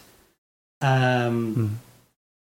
Det är ungefär så det är. Att vi kanske är uh, Flatlanders. Det är möjligt att universum är två dimensioner. Det är möjligt att universum är 22 dimensioner. Och då upplever vi inte de här dimensionerna. Vi, tid och hur vi uppfattar tid. Det kanske är möjligt att man kan uppfatta tid på samma sätt som vi uppfattar rum. Det är bara en dimension. Det är geometrisk, enligt, fysika, enligt modell i fysik. Det är en dimension precis som tid och äh, precis som de tre dimensioner vi har i, i rum. Så varför är det inte möjligt att det kan finnas en varelse som upplever flera dimensioner? Så om det finns en varelse som kan uppleva um, flera dimensioner, hur kommer, vår, kommer vi få kunna förstå varandra? Om vi inte kommer förstå varandra, som vad det här flattlandet var med två dimensioner, tre dimensioner, det är väldigt svårt att sen förstå varandra. Om man, om de här, om man tolkar världen på olika sätt och man har olika intersubjektiva sanningar beroende på hur man tolkar världen. Hur kan man då säga att bara för att vi har en intersubjektiv sanning, att vår intersubjektiv sanning är bäst? Eh, det här var väldigt intressant. Jag vill bara säga, jag vill bara påpeka, jag håller med båda två väldigt mycket. Det är väldigt tråkigt. Jag tror men... inte du kan hålla med båda två. Nej, det är omöjligt att ha det. Nej, men jag vill bara säga, alltså, mm min, krit, min djävulens advokatkritik är den här igen. Vi, vi, vi kan tänka oss att vi, vi tre finns. Jag är, lever i en tvådimensionell värld, William i en tredimensionell värld och Kristoffer i en fyrdimensionell värld. Eh, när Kristoffer säger någonting till mig och William så kommer vi, jag kommer uppleva det, vi, alltså genom språk, så helt plötsligt så blir det tinget i sig. För det är det enda sättet att kommunicera. Eh, så det, blir något yttre som jag inte kan nå. Och då kommer jag upp, alltid uppleva det i tvådimensionellt. William kommer alltid uppleva det i tredimensionellt. Och när jag svarar så kommer, så kommer William uppleva det i tredimensionellt och Kristoffer i fyrdimensionellt. Eh, så tinget i sig, problemet blir även för intersubjektiviteten. Det är bara det jag vill säga. Alltså, jag tror ju på intersubjektivitet. alltså jag tror ju på den symmetriska synen, alla read som vi pratade om då, att man, det är en, det är en god hypotes att utgå ifrån liksom. Uh. Men jag skulle säga tvärtom, att, eh, att det snarare stärker någon realistisk... För om vi tänker så här, ett objekt, en stol, jag kan bara se det ur en synvinkel. Jag kan liksom inte se det från alla håll samtidigt. Det finns en baksida som jag inte ser. Någon som står från ett annat håll ser en annan del av samma objekt. Alltså vi, vi kommer se olika delar av samma objekt. Och någon som är eh, blind men som eh, kan höra kanske knackar på den och hör stolen. Och man kan säga att ingen av oss har tillgång till det fullständiga objektet, stolen som det är sig själv, utan alla får bara ett varsitt perspektiv på stolen. Men, och det är min fråga till Kant, eller jag vet inte, men min realistiska tolkning av Kant är att det finns ingenting som säger att vi, vi ser samma objekt allihopa, fast var och en från sin synvinkel, var och en från sitt perspektiv, men ändå samma objekt vi ser. Det är ändå det riktiga oberoende objektet vi ser, ja, det, men var och en på sitt sätt. Ja, eh, jag, jag, jag tror inte nödvändigtvis, förutom att din Schopenhauer-invändning över vi alla ser en stor som objekt, men vi har inte nödvändigtvis stolen i sig kanske är inte ett objekt i sig. Det kanske är möjligen fler objekt som ingår eller bara eller en del av ett större objekt. Men tänk sig att det finns en, fjär, en fjärde person som tolkar den här stolen. Um, och säger bara streck. Eller bli. Och varje gång så du försöker prata med den här personen, den säger bara så här bli. Bli. Uh, och de, ni, ni andra tre, eller så, den blinda och den personen som ser det på det ena hållet och det andra hållet, ändå förstår det på samma sätt. Um, så, så, att ni kan ändå vara, skapa någon slags intersubjektiv gemenskap där ni kan dela ert förstånd, lära sig mer, få syntetiska och a posteriori sanningar och dela och, och sen förstå varandras perspektiv från stolen lite bättre. Men personen som säger bara bly och gy och bly och dy eh, om och om igen, den förstår sig själv. Eller den, den, den ser någonting där. Men den ser det på ett helt annat sätt att vi kan inte ens försöka förstå. Eh, vi, vi, kan inte förstå, vi är inte kapabla att förstå eh, den upplevelsen som den, den varelsen gör som säger bly och gy och dy och inget annat. Vi förstår inte det. Varför har den personens tolkning och som verkar vara en, en upplevelse av det här tinget i sig, den här stolen. Varför är den mindre än vår tolkning av stolen? Varför är den längre bort från tinget i sig? Eftersom de, är inte, den är inte ekvivalent med oss, med vår tolkning. För om det var ekvivalent med vår tolkning skulle vi kunna förstå varandra. Men vi kan inte förstå varandra. Så därför finns det olika tolkningar. Men det finns bara ett objekt. Så om det ska vara ett objekt som stämmer, eh, en tolkning som stämmer. Vi kan inte säga att vår är, vår är bättre än den personen som säger bara bly och, och gi och di. Vi kan bara säga att det är den bästa, eh, det är bättre än någon säger nej det är ett bord. För vi förstår vad den personen säger. Så vi kan säga nej du har fel, det är inte ett bord. För, vi, för det här är ett bord. För vi, vi alla fyra förstår det här är ett bord, det här är en stol. Och vi förstår varandra. Men om det finns en fas vi inte förstår, då kan vi inte göra någonting åt det. Förlåt, nu babblar jag jättemycket. Ja, jag har inga problem med det, att eh, så länge det centrala är att de faktiskt upplever samma objekt allihopa, även om några av dem inte kan förstå att den andra upplever samma objekt, så jag ser inga problem ja, med det. men hur kan man sen, eh. sen säga att sin, sin kunskap om stolen är det som är sant, när man inte kan förklara hur stolen är för den andra varelsen? Alltså det är en sak att förklara hur det är sant och en annan sak vilken som faktiskt är sant. Och mycket möjligt är att vi alla har bristfälliga Eh, ingen har den hela bilden, utan var och en har sin liten del av den stora bilden. Och det är hela poängen med transcendental eh. idealismen, att man kan aldrig veta när, man kan aldrig veta om man har en hel bild. Man kan, aldrig, man kan inte ens veta om man är på rätt väg. Men alltså, det finns ingen bekräftelse som världen ger oss. För där är en svårighet som, eh, som eh, genom hela läsningen. Alltså å ena sidan kunskapsgrejen, å andra sidan den ontologiska metafysiska grejen. Å ena sidan, vad kan vi veta att vi liksom ser och sådär? Det är ju den, antar jag, Kants fråga, men ofta glider in på den ontologiska eh, frågan, om vi faktiskt ser eh, världen och sådär. Eh, han pratar lite om bägge delar och det är inte alltid klart för mig när han pratar om en begränsning i vår kunskap och när det är han säger någonting mer substantiellt, att vi faktiskt, rent faktiskt aldrig kan se världen. Alltså jag tror det är i naturkunskapsdelen där han ganska, både i början och slutet går igenom vad han menar ganska tydligt att vi inte tolkar världen i sig. Och sen därefter tror jag man kan tolka honom att, man in, att han, han, han pratar om det för oss ganska ofta, typ hela tiden förutom det. Det är en, en förtydligande fråga för mig här bara. Uh, när vi har när han pratar om kategorierna så att säga och vi pratar a priori syntetiskt så pratar vi fortfarande om tinget för oss. Eh, hur saker och ting upplevs för oss. Men det är det metafysik för honom? Det är en bra fråga. Det är också min invändning mot honom. Och jag tror det är också hans egen invändning av varför han försöker möjliggöra metafysik. För att det är den metafysiken det blir i slutändan. Men han gör det genom kognition alla eh, slash epistemologi så att säga. Men så att när vi pratar om metafysik i i, i kantianska termer så pratar vi alltså bara om vilka typer av kategorier, på vilket sätt saker och ting är för oss. Ah. Ja. Och på det sättet så har han därmed sagt att om man gör meta-metafysik så att säga, pratar om det transcendenta, inte det transcendentala, alltså det som går bortom för oss utan för sig. Så det finns, det finns inget mer koherent att säga att allting är köttbullar eller att det finns Gud eller själ, för att det liksom det är det finns liksom det, det betyder i slutändan betyder ingenting mer än att det finns något som är ansvarigt. Han pratar ganska, det är ganska så här poetiskt tycker jag vid slutet. Uh, att förståndet vill alltid gå bortom sina gränser. Mm. Um, att den vill försöka tolka mer än den är berättigad att tolka, verkar det som.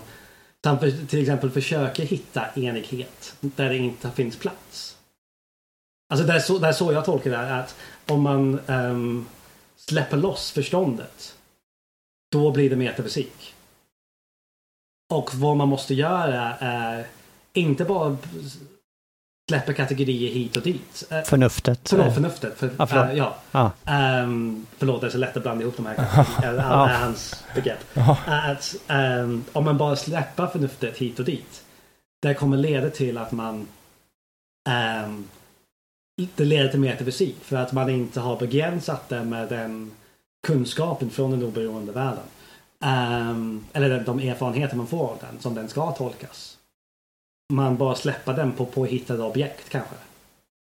Mm. Och sen det där som man tror är sant. Och det är det som kan kanske bli metafysik eller man kan inte nödvändigtvis säga ja eller nej.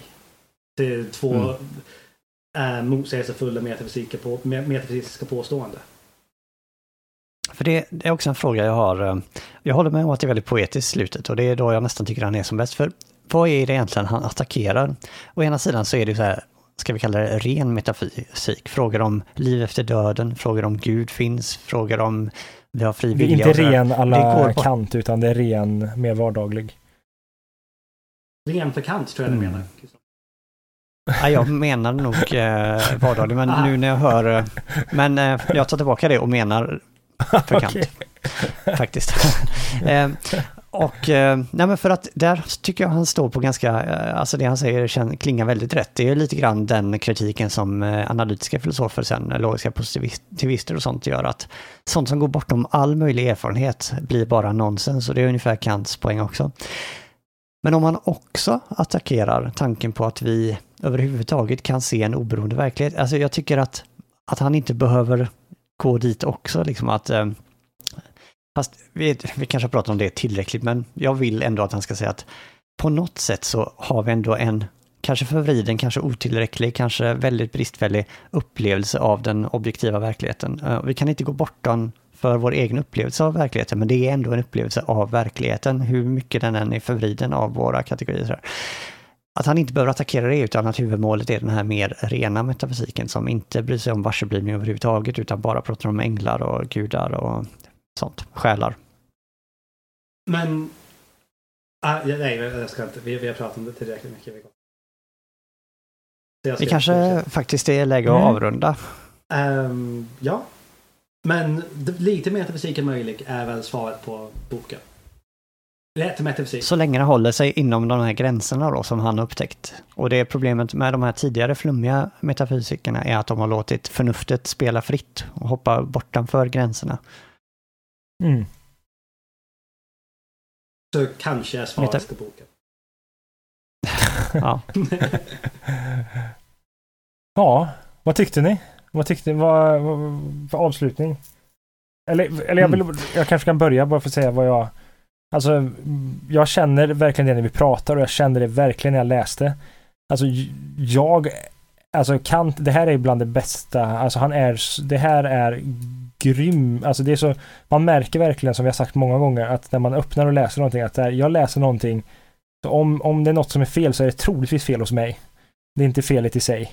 Så att säga. Eh, nej, nej, men alltså, för det är, och, och, det känns, och det är ett helt tänkande så att säga. Det känns verkligen som att han har tänkt långt och på många grejer. Även om jag tycker jag hittar mot invändningar och jag har frågetecken överallt i boken. Jag tycker att så här, men stäm, kan han verkligen säga det här? Men det känns hela tiden som att det är för att jag inte har gjort en tillräckligt djup och lång läsning av honom. Um, jag hade jättesvårt. Jag trodde att jag, att jag kunde Kant. Jag känner att jag inte kan Kant.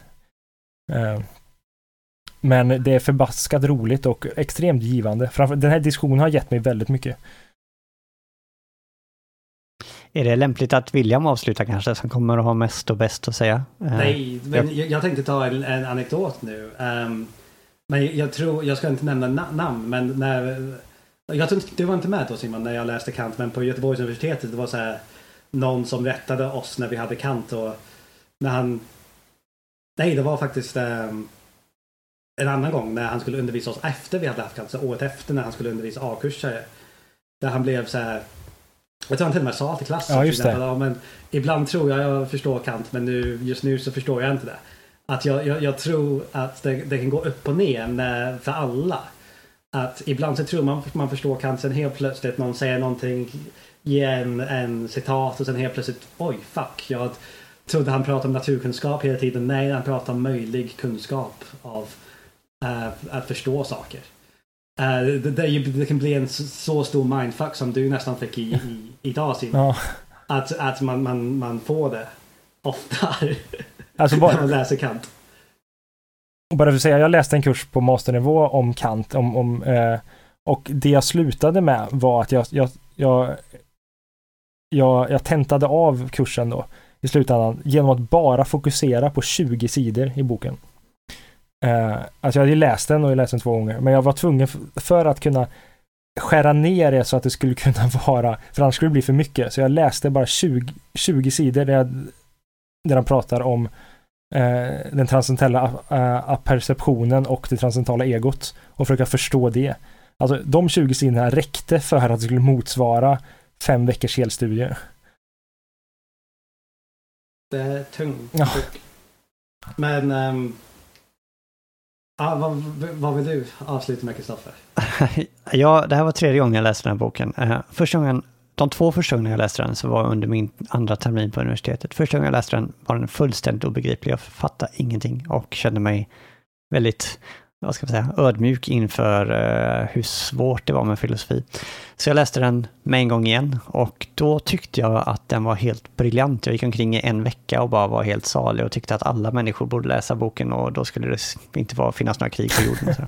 uh, sen så lugnade jag mig lite. Men jag tyckte den var helt briljant och jag tyckte mig förstå då. Och jag, jag tyckte att jag jag hade liksom aldrig stött på en text av det slaget förut. Jag tyckte att jag för första gången i hela mitt liv förstod vad innebörden av ordet djup. Jag har alltid tidigare bara trott att det betytt flummig, men det här var djupt tyckte jag att det liksom, ordet djupt kunde användas på detta med rättvisa.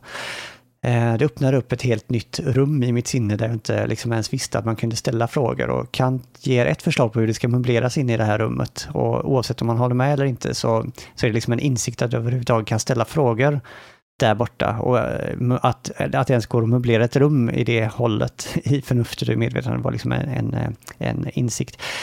Nu har det gått ett par år och jag har läst väldigt mycket mer filosofi och eh, kanske har blivit en annan sorts filosof, jag vet inte. Men den här gången tyckte jag det var ohyggligt mycket svårare än vad jag tyckte, vad jag minns att jag tyckte andra gången jag läste. Och då finns ju åtminstone tre möjligheter. För det första kanske jag var en bättre filosof då än vad jag vad, vad jag är nu. Och det hoppas jag att det inte stämmer.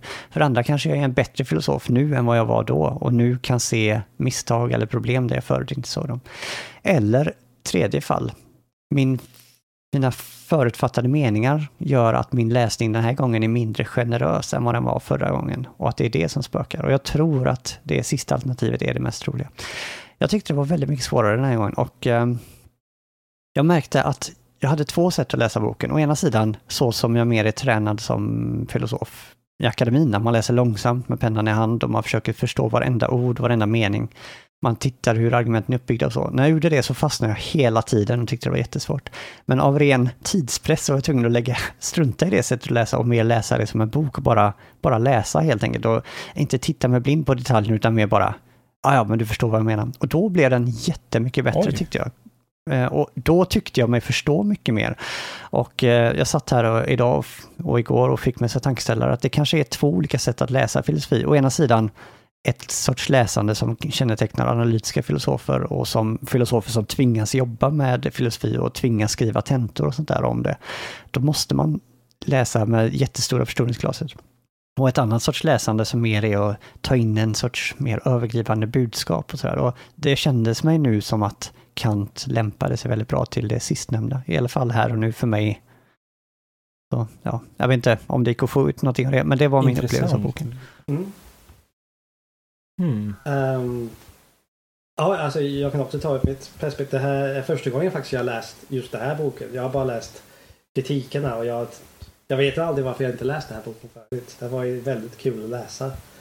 Ehm, lite besviken för jag tyckte det var typ kritik av det rena förnuftet i miniformat. Um, jag trodde det skulle vara lite mer spänning och typ jag, jag hoppades på lite cliffhanger eller någonting. Så det så här, jag tänkte mitt budskap till hur metafysik ska vara. Ja. Så jag tänkte att det skulle hoppas att det skulle vara någon slags, ja, jag vet inte, några så här riktlinjer. Så här, gör det här, gör det här, gör det här. Men det var kanske inte precis så det, det var. Um, så, så, min förväntan att bli underhållad eller så här, få någonting som var inte som var så här nytt för Kant. För Kant har skrivit jättemycket. Vi kanske inte Kant är oftast presenteras som någon som typ han skrev flera böcker när han var lite så här, när han var gammal.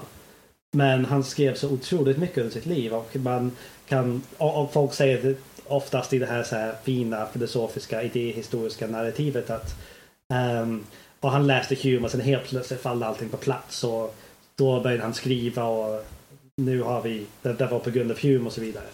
Men de här tankarna fanns med under sen väldigt lång tid hos honom.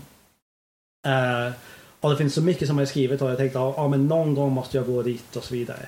Men aldrig åkat. Så det är, så här, aldrig, det, det är bara kul att läsa mer Kant. Det är som Um, men var han inte en klassisk rationalist i sina tankar och sen så stötte han på Hume och sen skrev han inget, som jag har hört det så skrev han ingenting på 20 år och sen kom, sen pumpade han ut flera olika kritiker. Ja, det, det, var så lite tid, alltså han, han slutade producera lika mycket men jag tror inte att det tog slut helt och hållet. Han, sku, han skrev fortfarande lite vetenskapliga texter om ah, okay. mig tror jag. Um, jo, jo, men som var um, filosofiskt men, influerat så att säga. Och sen, men några idéhistoriker säger att de här tankarna även så när han var hederlig rationalist eller vad man nu ska säga. Fanns där. Att de här mm. tankarna spökade ändå. Så det var inte så att det okay. var så helt nytt som kom när han var äldre. Uh, så, så, ja, men, alltså, så jag har alltid tänkt det skulle vara intressant att gå dit och se om det stämmer och så vidare. Men alltså, det, det orkar man inte med. så, så, så, så, så, så, jag har alltid tänkt att det skulle vara ett roligt projekt att se om det fanns där. Och det här boken mm. jag har sparat lite för jag tänkte Ja men då kommer han säga det här ska du göra nu eh, till, till så här blivande filosofer jag skulle läsa och helt plötsligt vill jag skriva så här, min, så här, vad jag vill skriva för, det, för min tolkning av Cassero och Kant. Tänk så här, om när jag läser det här då kommer han prata med mig typ så här, ja, fortsätt så här.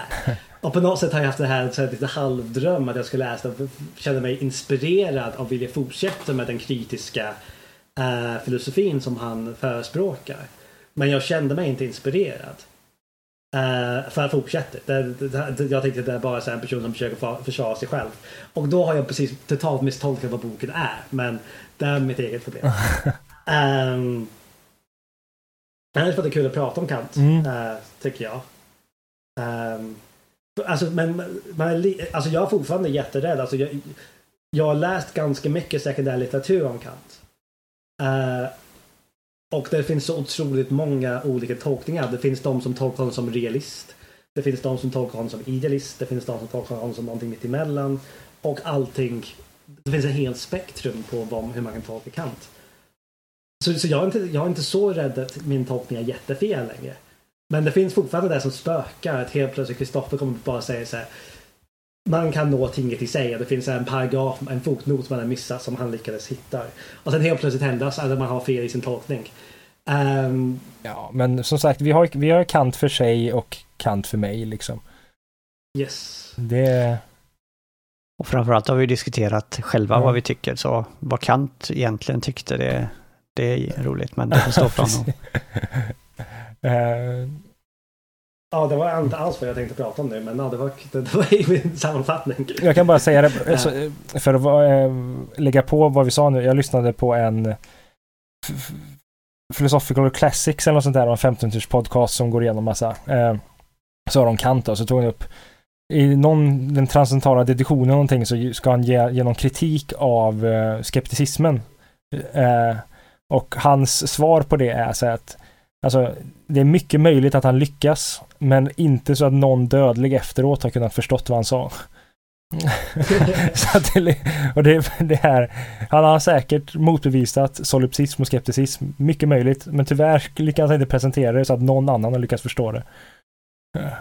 Så det kanske visar att Kant är den enda person som lever. Precis. vi lever i Kants solipsism. Vi är en del, vi är, vi är en, simula- en simulation från hans kategorier. Precis. Det var en bra endnote känner jag. Eh, jo, vad ska vi läsa nästa gång? Bibeln. Eh, nej, ehm, Bibeln för mig. Inte Bibeln i sig så att säga. Nej. Nej, precis. Uh, Bibeln för mig, så den... Efter Kant, massa saker händer. En sak var en ny kantiansk rörelse som uh, tolkade Kant på ett, på ett lite annorlunda sätt. Ehm, och det slutade med Cassiere som kom med man kan säga en antropologisk syn på eh, uh, katt. Så kulturer börjar komma in. Ehm, och symboler. Mytologi. Och vetenskap. Så vi kommer gå en historia av människan från mytologi till vetenskap i en Essay of Man av Cassiere. Mm. Det ser jag fram emot faktiskt. Det ska bli väldigt äntligen få läsa Cassere. Ja, det kommer bli så Kul att läsa något som-? Ja, det ska bli väldigt spännande. Ehm, Uppfriskande att läsa något som man inte har läst förut. Inte för Nej. William men för oss. Ja men alltså för mig, jag började läsa det igen eh, för ett par månader sedan och sen jag vill, kommer läsa det igen innan vi pratar och alltså det jag brukar inte tycka inte om att gå tillbaka så mycket men det här är någonting jag verkligen kan gå tillbaka och sätta mig och bara få upp någonting igen. Jag har aldrig haft det här i mitt liv. Alltså jag hade så här en stor typ existentiell kris mot filosofi ett tag. Jag kände ingen tillhörighet någonstans. Eh, men så fort jag öppnade Cassier så var det så här, ja men det här förstår jag. Det här typ, det fångar upp mitt sätt att tänka. Eh, så, så jag kan läsa det här igen och få någon så här, aha, jag tolkade, med min nya erfarenhet kan jag tolka det fortfarande på det här sättet. Så jag, jag får upp alltid någonting nytt och produktivt varje gång. Så jag är inte en bitter kritisk jävel. Eh, så jag gillar det. Intressant, det är så jag känner för Hume. Lite. När du beskriver känslan så känner jag igen hur jag känner varje gång jag plockar upp Hume. och då måste väl jag bara för att säga samma med Reed då. Är inte Smith för dig också? Ja. Det Fast det räknas inte riktigt för det är så Ja. modernt. Så det... Okej. Eh, men tack så jättemycket. Tack själva.